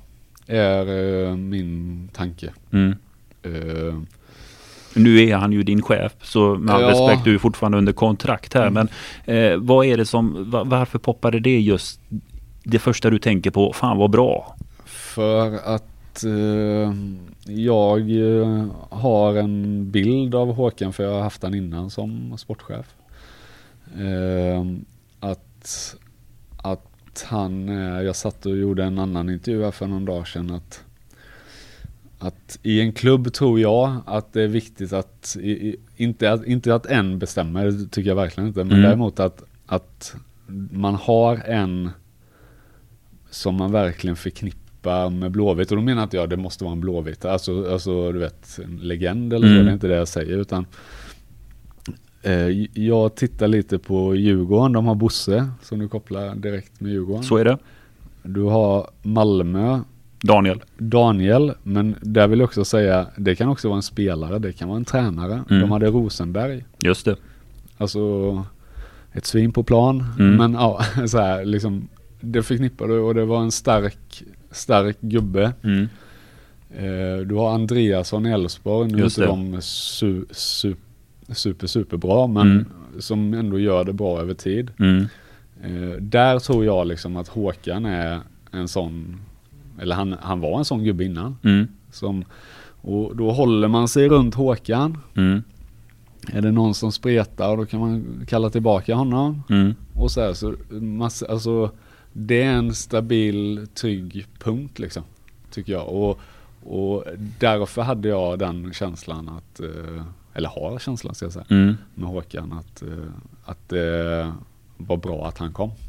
Håkan eh, lämnade du som sportchef och eh, tog en annan karriär vid sidan av eller under den tiden. Om du jämför Håkan Mild, vad kan man säga, sportchef 1.0 kontra Håkan Mild, hur han är som ledare idag. Vad har han förändrats i som person och som ledare? Är det samma Håkan eller är det, märker man att det här är en person som har eh, fått mycket mer kött på benen som ledare? Ja, först får man ju säga att han har inte riktigt samma uppgift. eh, Han är ju klubbdirektör idag. klubbdirektör idag. Så där är väl en viss skillnad. Sen har han väl blivit lite som glassen eller på att säga mjuk. Men eh, nej, han har blivit lite mjukare i, i sitt sätt. Eh, tror jag med hans erfarenhet i att ha varit iväg och jobbat med annat. Mm. Tror jag. Med personal. Så, alltså nu kan, kan inte jag någonting om företag så men det är ju det är min vilda gissning då liksom att det är Men det har ju med personer att göra. Det är det har med personer att göra och, och, och allting är lite, tycker jag, snällare idag än vad det var förr. Mm. Eh, inte det här hängt en katt, eh, Arne Erlandsen, Mm. det här tch, tch. Nej men 07-stämningen har man ju inte på träningarna längre.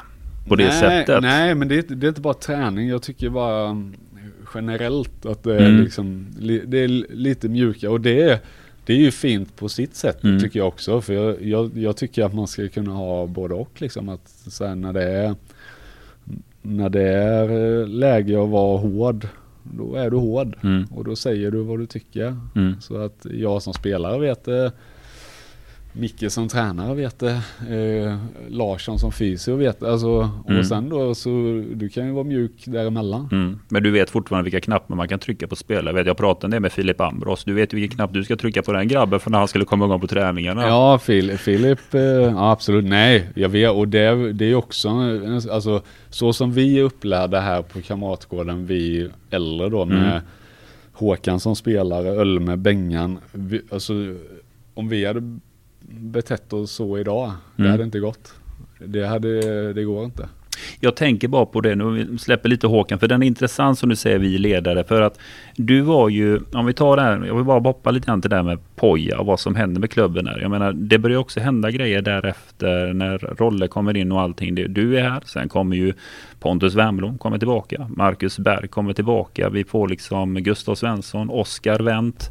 Eh, vad händer i ett, nu ser ju du, nu har ett stort öga på det hela, från det att vi har den truppen som byggdes upp under sportcheferiet och under Poja till att det plö- plötsligt blev då kommer ni hem allihopa. Vad händer i ett omklädningsrum när plötsligt kommer hem så himla mycket rutin och landslagserfarenhet och internationell erfarenhet till en grupp som då har spelat ihop sig så kommer plötsligt, förlåt, krasst uttryckt, ni. Eh, vad händer i ett omklädningsrum då? Finner man, blir det liksom naturligt eller bör man liksom hitta roller? Vem som ska ta vad? Kaptensmaterial och liknande? Ja, först vill jag ju säga också att eh, vi alla kom ju inte riktigt samtidigt. Kom i Så det har- omgångar. Ja, så det, har liksom, det var ju inte så att vi kom, ja, tja, här är vi, nu ska vi Mm. vara med och köra liksom. Men, men det är klart att i ett fotbollslag så finns det ju, det finns ju hierarki kanske, även om, även om sånt försvinner mer och mer Mm. också. Eh, eh, så det är klart att det händer säkert saker i ett, i ett omklädningsrum så. Sen eh, tror jag att jag har lite svårt också i och med att jag, jag är i det liksom Mm. också så. Så jag in, jag har inte ett vakande öga vad som händer där. Liksom. Mm. Jag är fortfarande i det och ska göra min grej. Men, men det, det man kan tro är väl liksom, och, och det man hoppas är ju att alla, alla drar nytta av att det är äldre rutinerade Mm. spelare. Alltså vi, nu ska man inte klappa oss på axeln, men vi står ofta på träningen. Vi är sällan skadade. Mm. Eh, Det, alltså nu var ju Pontus skadad och, och Jakob skadad, men Mm. vi som är här idag då, Mm. sällan, alltså, och vi får ju försöka, och det är ett problem som Blåvitt hade nått några år tillbaka var att, att spelare var ofta skadade. Mm. Väldigt ofta. Och ibland så var känslan så här, ja fast det där kan du träna med.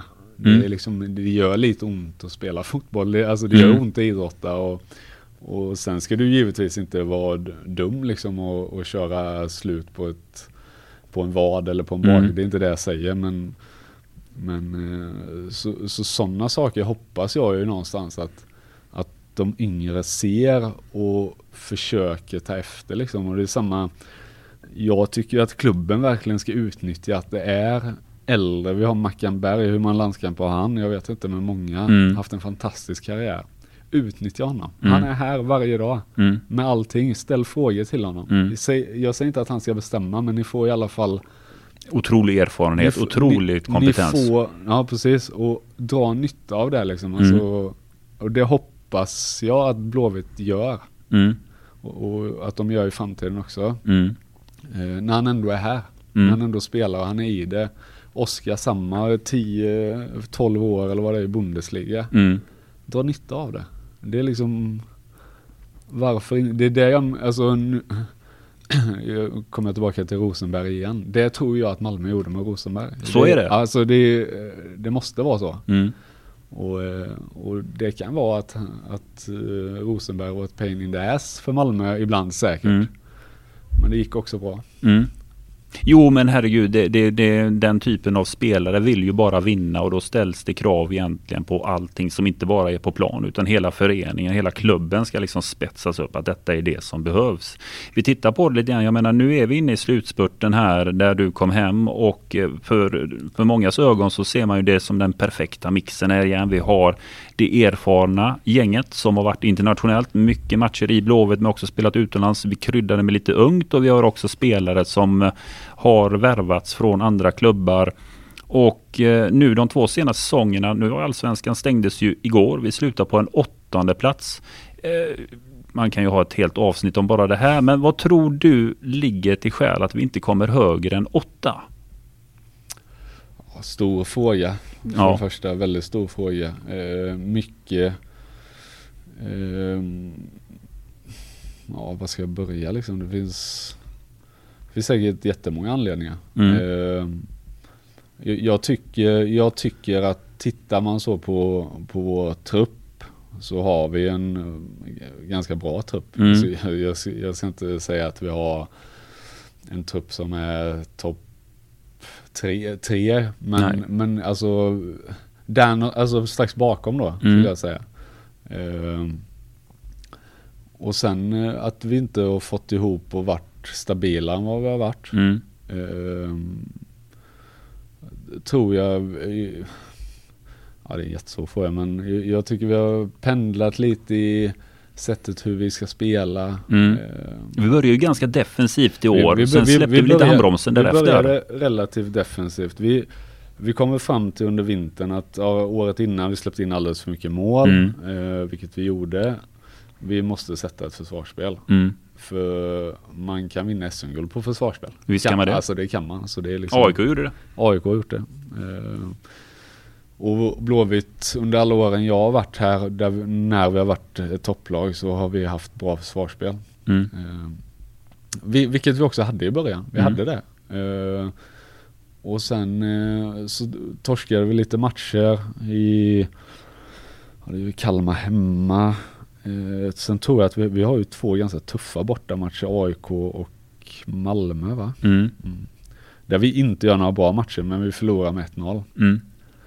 Eh, hade det varit idag och vi inte hade gjort en bra match så hade vi nog förlorat med 4-0. Mm. Alltså, så där tycker jag någonstans att vi har, vi har vacklat och ändrat lite och sen ändringarna kan ju bero på många saker. Det kan bero på att spelare är tillgängliga mm. och hela det här. Så det är liksom det är ju sjukt luddigt svar på det men det är liksom men Jag tänker som Stare, för mig så, jag, när jag tänker på Mikael Stare så för mig, en sak som jag tänker på är väldigt mycket snabbhet. Mm. Eh, snabbt också att vi kan... Nu hade vi en defensiv fokus. Jag tänker att våran vår var ju det att vi skulle ha den defensiva fokusen. Sen så tyckte jag att vi sökte oss ofta ut på kanterna för att liksom komma upp på kanterna och sen kunna då antingen gå in själva i boxen eller slå in bollen. Problemet var ju, tycker jag, att det som skiljer vårt kantspel i början av den här säsongen, om man tar Stare förra gången, var att vi har inte haft den här snabbheten på det sättet mm. som vi hade förr. Någonting hände tyckte jag när eh, Oskar eh, Wendt kom lite högre upp här nu till sommaren. Då fick vi lite mer alternativ och variation. Men det är väl någonting, jag vet inte hur Stara har utvecklats där, det ser ju du bättre, men jag tycker att truppen saknar snabbhet. Om man ska ja. titta på kommande vinterfönster här nu så är det snabbhet jag tittar mest på egentligen. Ja, generellt i dagens fotboll. Eh, det är därför man känner att man får lägga av nu. det, det, är liksom, eh, ja men framförallt i dagens fotboll, det är mycket stavas ju snabbhet. Alltså ja. det, det är så det är. Eh, mm. Sen är Sen är fotbollen idag mycket mer ritad skulle jag säga på mm. ett papper eller på en taktiktavla än vad, det, mm. än vad det var förr. Ehm, och där tror, där tror inte jag vi har hittat hundra riktigt exakt hur, hur det ska vara för att det ska passa, passa oss. Liksom. Mm. Vi, vi, vi, har ju snabbhet i Norlin. Eh, det som är hans spets då mm. givetvis. Hossam är ju snabb med bollen. Mm. Eh, Eman är rätt snabb faktiskt på, på eh, på testerna eller på säga, men på GPSen. Mm. Eh, så det, det finns snabbhet. Sen ska ju det också då med dagens fotboll sätta sin timing Mm. så att det blir rätt. Igår mot Värnamo då kunde vi se Norlén eh, hittar ju rätt, ligger på deras sista gubbe så det inte blir offside och så kommer Mm. en bra tajmad löpning och, och vips så är det mål Mm. och straff och allt det. Så, så, ehm, så jag kopplar också mycket med, med, med snabbhet och, och allt det här. Och, och det var ju kanske också, eller det var ju så vi ville spela lite i början också med att ligga lite lägre och sen kontra. Alltså, så spelar många lag ute i Europa. Så är det. Eh, Men gör du det bra då så är det ingen som bryr, bryr sig så mycket om att du bara ligger och deffar och Nej. kontrar för du är så bra på det. Eh, Sen vill man alltid ha ett lag som bara spelar på motståndarnas planhalva. Mm. Även utan boll, att du är uppe och pressar och sådär. Mm. Och, och det är väl någonting i höst också. Vi har gått bort, gått bort oss lite på i den här höga pressen. Vi har sprungit Mm. bort oss alldeles för enkelt. Och, och, eh, och nu sista matcherna så har vi faktiskt tagit hem det till halva plan Mm. faktiskt.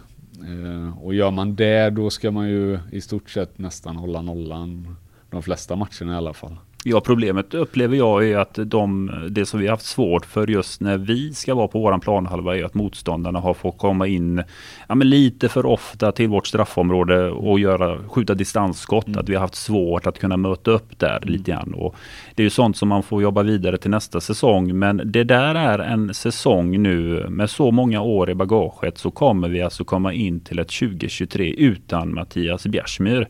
Eh, du tog det här beslutet. När beslutade du dig för att nu går jag till eh, klubben och säger this is it?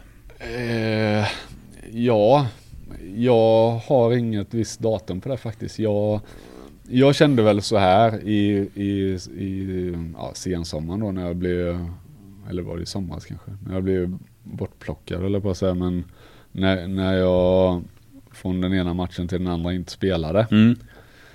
Eh, kände jag, ja fine men fan jag ska köra liksom, jag, jag ska visa. Jag, och så blir det som, som alltid här höll jag på att säga att jag får spela ändå. Mm. Men eh, kände väl mer och mer under hösten att, att det spelade inte så stor roll egentligen. Mm. Jag körde på på träningen, jag körde eh, B-lagsmatcher eller u matcherna Mm. de eh, som jag blev kallad till. Eller kallad till. Eh, och, det, och det var svårt var det. Men, men, och det blev ännu svårare för mig när jag kände att ja, men, laget släpper in massa mål och jag får ändå inte spela. Mm. Det var, det var tufft för mig. Mm. Och egentligen inget samtal om det heller. Liksom, utan det var bara, det var så. Och Mm. då kände man ju eh, ja, utfasad låter väl eh, kanske ett hår, hårt ord men åt det hållet i alla fall. Mm. Och det är ju ett klubb eller eh, ett beslut klubben eller Micke har tagit liksom. Mm. Och, och, och det får jag ju som spelare stå i, så funkar det. Jag själv kom upp som, eh, som ung spelare och, Mm. och fick ta någons plats liksom. Så, så så funkar det. Så där någonstans då kände jag väl det att nej, ska det vara så här om, om man då skulle fortsatt något år Mm. och, och vara backup eller tredje eller fjärde alternativ liksom utan att känna att man konkurrerar. Mm. Då vet fan, då tror jag, då tror jag gnistan dör lite grann. Mm. Och det Och- känns ju som att du inte som spelare vill heller lämna sluta din karriär som att vara en spelare som var på tredje, fjärde fiolen utan du vill på något sätt ändå lämna med lite flaggan i topp. Ja, det vill jag. Sen samtidigt så är jag av den lojala människan då liksom att alltså ha- hade, hade de sagt liksom, ja men du, vi ser det som trea men givetvis konkurrerar du som vanligt på Mm. Palve. Då, då hade man ju fått ta beslut kring det. Mm. Eh, Men eftersom jag inte känner att det är så då så är det liksom Då är inte det någon fråga heller. Nej. Så eh, nej, så jag känner att eh, Att det får vara bra. Mm. Och jag känner som du sa att Att jag får någonstans lägga av På grund av min Min egna vilja och det känns genuint bra Mm. faktiskt. Jag har haft Ja, Werner, min kompis, fick lägga av på grund av skador. Nu var Mm. väl han hyfsat mentalt färdig ändå så. Mm. Eh, men Jakob Mm. Det gjorde ont. Det gjorde eh, för jävla ont att se det när de, när de tackade för sig här liksom. Mm. Så, eh, så det är jag genuint glad att jag kan få göra det. Ja, och kroppen ändå i bra skick. Att du inte hamnar i det här att du har nu eh, en lång tid med sjukgymnastik för att reparera skador som har förföljt dig gör ju ändå att kroppen mår ju förhållandevis bra efter den här säsongen Mattias. Eller? Ja, den mår, eh, den mår inte tipptopp, men den mår, eh, Den inte... den mår, den mår, så- alltså det måste jag säga, den mår förvånansvärt bra efter att ha, ha spelat så mycket fotboll som jag har gjort. Mm, För jag har spelat väldigt mycket. mm, Eh, och eh, där, med, alltså, med tanke på det så mår den väldigt bra. Eh, redo för lite paddel imorgon morgon tänker jag. Ja, Ja, vem blir det mot? Ja, det blir jag och Tobbe Mm. i lag mot uh, Selakovic Wernblom. Mm. Mm. Så det, ja, så det är ju Hur är Selakovic på paddelbanan? För att jag vet, arg. Ja, ja. för jag pratar ju med en del som har han som agent. Han är otroligt snäll och mjuk och försiktig. Men det händer ju någonting fortfarande när han går på plan hör jag. Ja, det, ja, det gör det. Det gör det. det gör det väl hos alla. Med Wernbloom och Selakovic i samma lag. Ja. Kommer den här sändas? Nej, det, det, det tror jag inte. det hade- inte- Det hade varit tv-rättigheter som ja, heter duga här. Ja, nästan. Nej, men så, så, så jag känner, ehm, jag känner att det är faktiskt skönt också att lägga av. Jag känner, mm, så som hösten har varit, så mentalt rätt dränerad faktiskt och Mm. färdig. Och eh, om vi, vi har ju en hel del, jag ska, vi ska ta lite lyssnarfrågor sist, eh, alldeles strax här. Men jag tänker att nu är det ju semester. Eh, Kamratgården har idag en sån här dag. Det är ganska utcheckat här på Kamratgården idag. Det är inte så många som är rör sig runt här i bygget. Men nu ska klubben in i en silly season. Vi ska in i en allsvenska 2023. Eh, vad vill du ge IFK Göteborg för råd här nu till kommande säsong? Jag vill eh, ge Blåvitt, ja vad vill jag ge för råd? Shit. Eh, nej men eh, kör på ett sätt som, som de verkligen tror på Mm, och kör det all in mm. Alltså, och bibehålla det. och bibehålla det, kontinuitet igen. Eh, eh, det är väl det jag, jag tänker mest på liksom. Sen kan jag ju tycka till om att att eh, Blåvitt behöver köpa en ny högerytter eller vänsterytter eller innermitt Mm. eller whatever liksom. Men, men eh, det tänker jag inte säga. Vi har, lite, vi har en hel del lyssnarfrågor. Jag tänker att jag betar av ett gäng utav dem. Eh, Håkan Stenström här med en snabb fråga. Vilken tränare i Blåvitt har betytt mest för din utveckling? Eh, Jörgen Lennartsson all together för att jag hade han i u landslaget också. Mm. Vad var det bästa med Jörgen Lennartsson som gjorde att du utvecklades så mycket? Han eh, var... Jag tyckte att han satte ihop vårt, vårt spel till, till att bli bra liksom. Så jag, jag kände han, han, han var noga med hur försvarsspelet skulle vara. Mm. Vilket givetvis gynnade mig för Mm. försvarsspelare. Eller var försvarsspelare. Eh, och han eh, ville också spela en, eh, en snabb anfallsfotboll.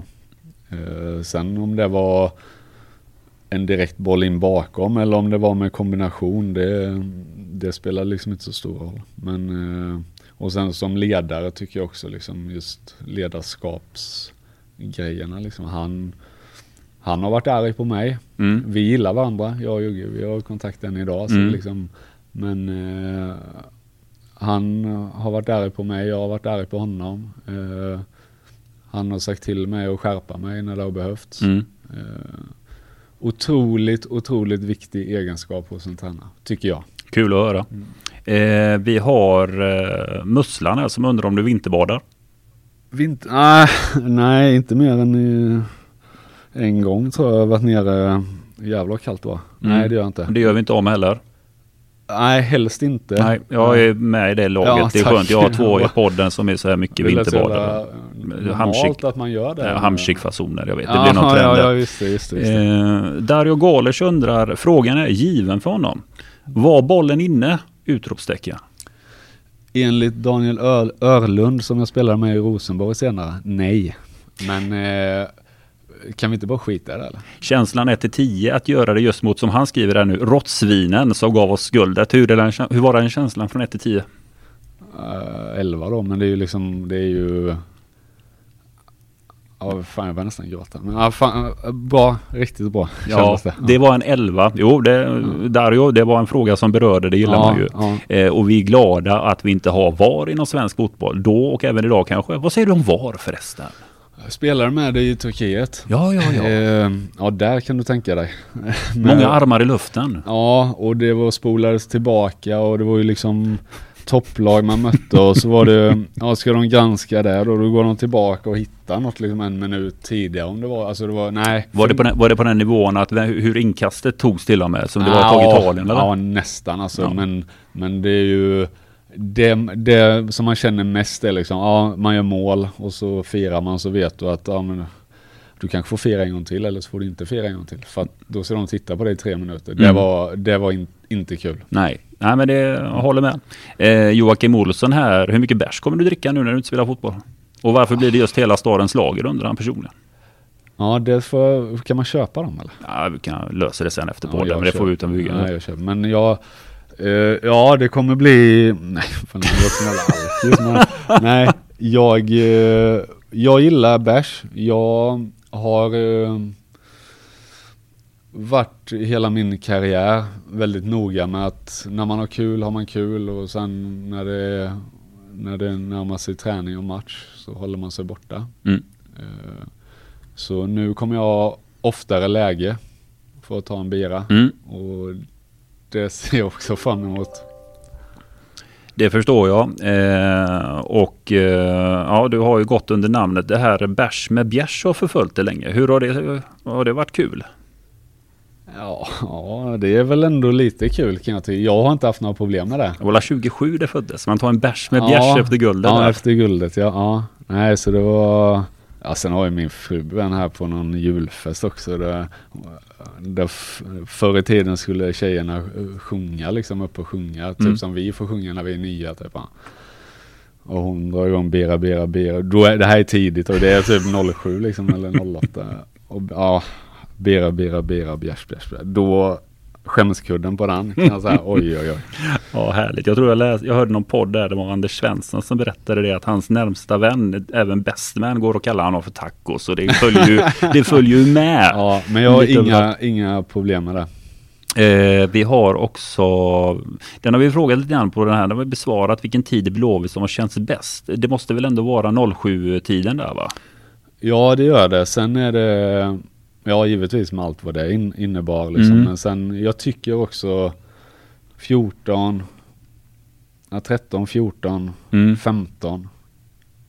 Också ett go. Ja, ett riktigt go, mm. precis. Och Borgen bra, var vår. Det gick inte att slå oss på Gamla Ullevi. Det var ju nej, möjligt. jag vet, jag vet. Och bra killar i laget. Alltså, alltså jag bara tänker på de här danskarna och, och Rogge och Haitam. Vilka, mm. alltså, hur de kom in i det. Ja, så underbara människor med liksom. Mm. Det var, det var Blåvitt boys liksom på något mm. sätt. Jag vet inte. Ja, nej, riktigt bra. Poppels Palle här undrar hur många strutar Mackan gör nästa säsong. Men han lägger också en sista fråga med bättre omgivning såklart. Oj då. Ja, så ja. Nu får Nej, vi se om Mackan är kvar. Jag menar, du, Mackan har ju själv sagt att han vill känna av hur kroppen är. Jag utgår från att Marcus Berg spelar nästa säsong. Men 15 eh, mål på Marcus Berg, är det en utmaning för honom tror du nästa år? Med rätt omgivning så kommer han göra 15 nästa år. Ja. Det är jag relativt säker på. Det brukar faktiskt räcka till att vinna skytteligan. Som lägst har man gjort 14 mål. Tobias Hysén gjorde det 2013 ihop med eh, Kennedy Igbaronike. Då, då vann man skytteligan på 14 mål. Ja, Tobbemans tur han har i livet. Ja men så ja, är det. Vem vinner annars? Ja, men, liksom, ja, men på, på lägsta också. Ja. men det är som, som det ska vara.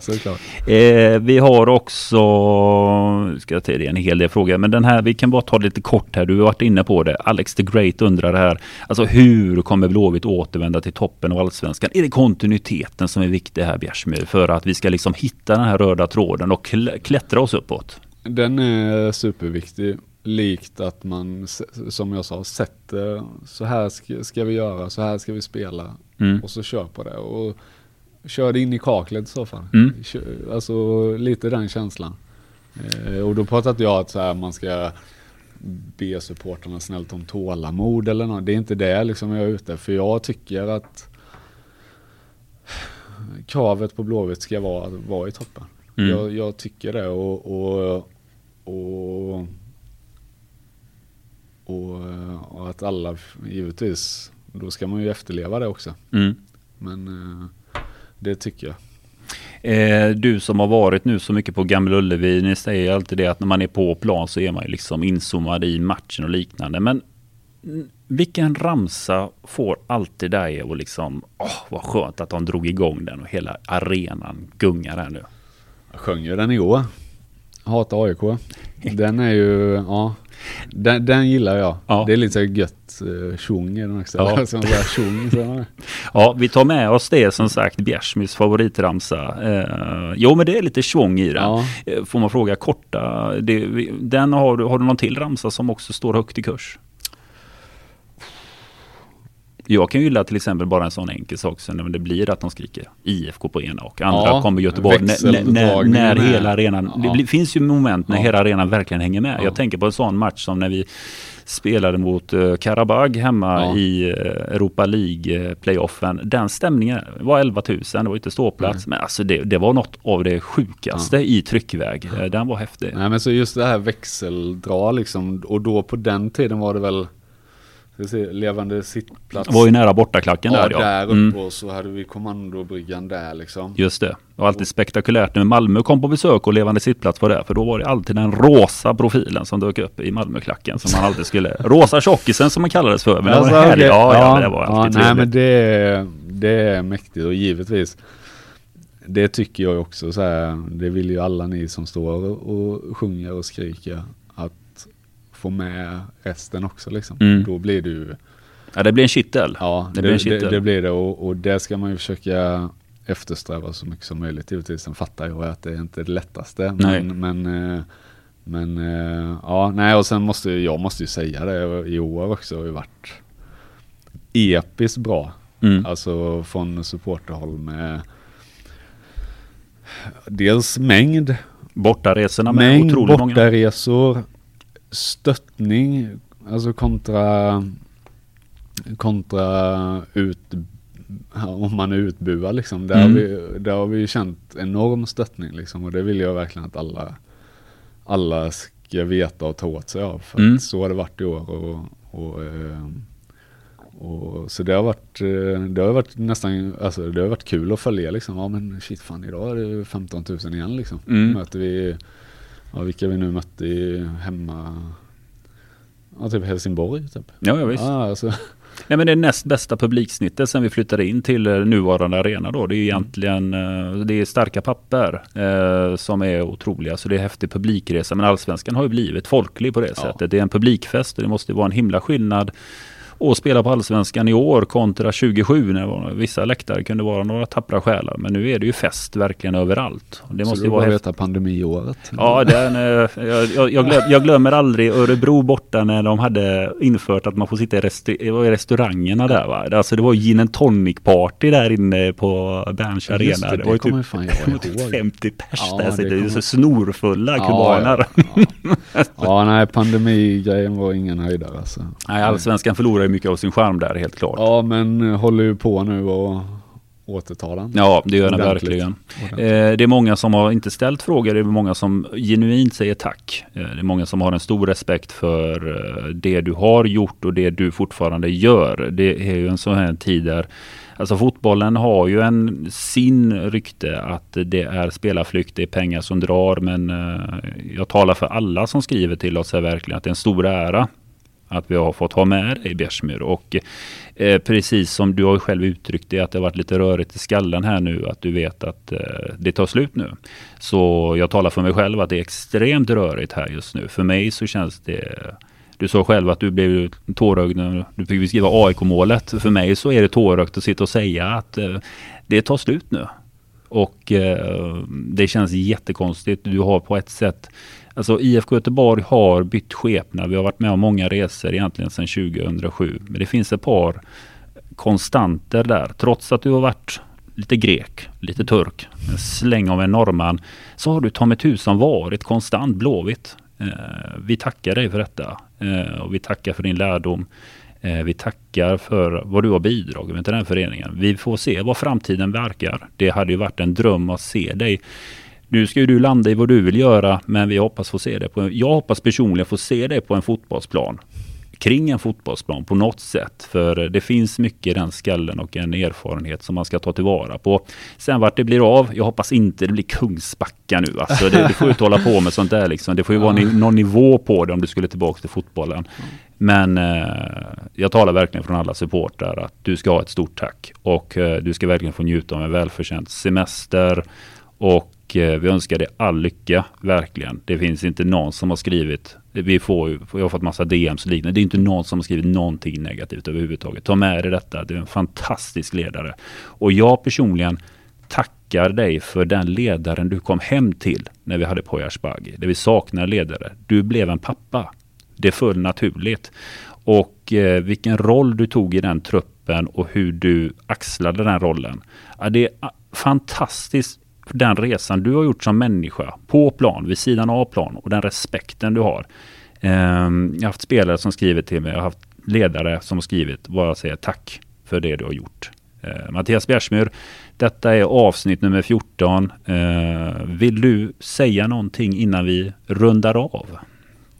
Ja, fint sagt, väldigt fint sagt. Ja, nej, nu är det slut. Det är har varit en jävla resa. Eh, både, både för mig, för Blåvitt. Eh, och jag är ju genuint från mitt hjärta tacksam för allt Blåvitt har gjort. Eh, alla supportrar som har ställt upp. Eh, jag hade gärna tagit micken hemma mot Häcken och fått säga några ord till alla som var där. Det var inte riktigt läge. Men eh, får man bita i det också. Eh, och eh, jag känner ändå att jag kan lämna Kamratgården i alla fall som spelare nu denna gången med, med bröstet utåt och det, det känns på riktigt bra. Riktigt bra gör det. Och, och, eh, och fortsätt stödja Blåvitt. Uh, bua när det är läge. Uh, skrik som fan. Kom ihåg Bjärsmys favoritramsa. Ja, uh, verkligen. Då, då kommer jag sitta och sjunga med i alla fall. Det är en sak som är säker. Uh, nej, så fortsätt med det ni gör ni, allihopa. Och bara sådana här saker som poddar och sånt, alltså sånt som har växt liksom mm. så här och in, som hjälper med intresse och sånt liksom. Det är också guld, guld värt för, för spelare, individuella spelare, mm. eh, för klubb, för, eh, ja för alla och, och för lyssnare liksom som får känna att de kommer nära in på. Så, mm. så ni ska också fortsätta som ni gör. Eh, och eh, nu ska jag fylla på min kopp kaffe och sen ska jag åka från Kamratgården den sista gången. Och sen tar du lite semester. Vad händer imorgon? Eh, ja, det är paddel då 08.30 mm. och sen så åker vi söderut på mm. semester. Låter bra. Eh, Mattias Bjärsmyr, du ska lämna med bröstet, eh, ja, bröstet utåt. Eh, du lämnar med värdighet. Vi tackar igen och eh, alla lyssnare, tack till alla frågor. Jag hoppas att Mattias Bjärsmyr har kunnat ge ett svar. En del, många av frågorna har vi besvarat under avsnittets gång. Eh, jag hoppas vi kan höras framöver. Det hade varit kul att prata med dig under säsong någon gång under nästa år eh, där Mattias Bjärsmyr är en åskådare. där synen, din syn på det hela, hur det ser ut då och och eh, vad du hittar på i livet.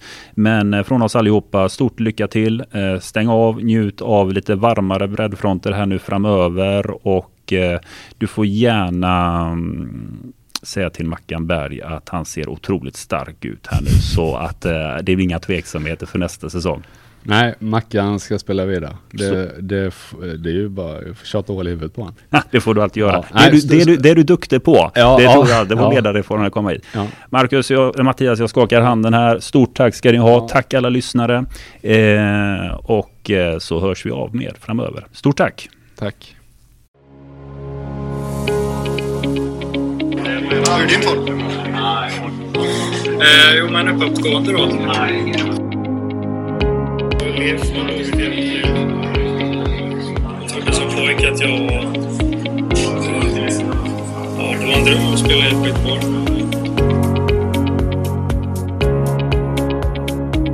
Håkan Mild. Det är ju bara att instämma med vad Håkan säger. Jag får göra det som...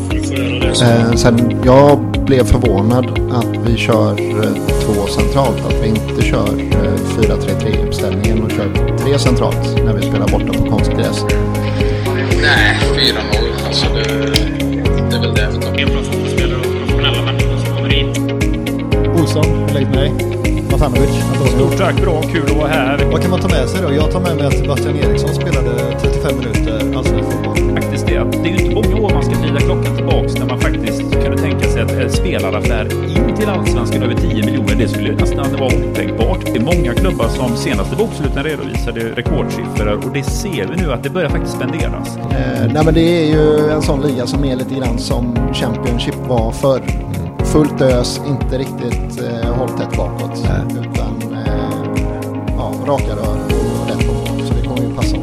Det är ni som är de konstiga och sådär. Exakt. Thåström, Ja.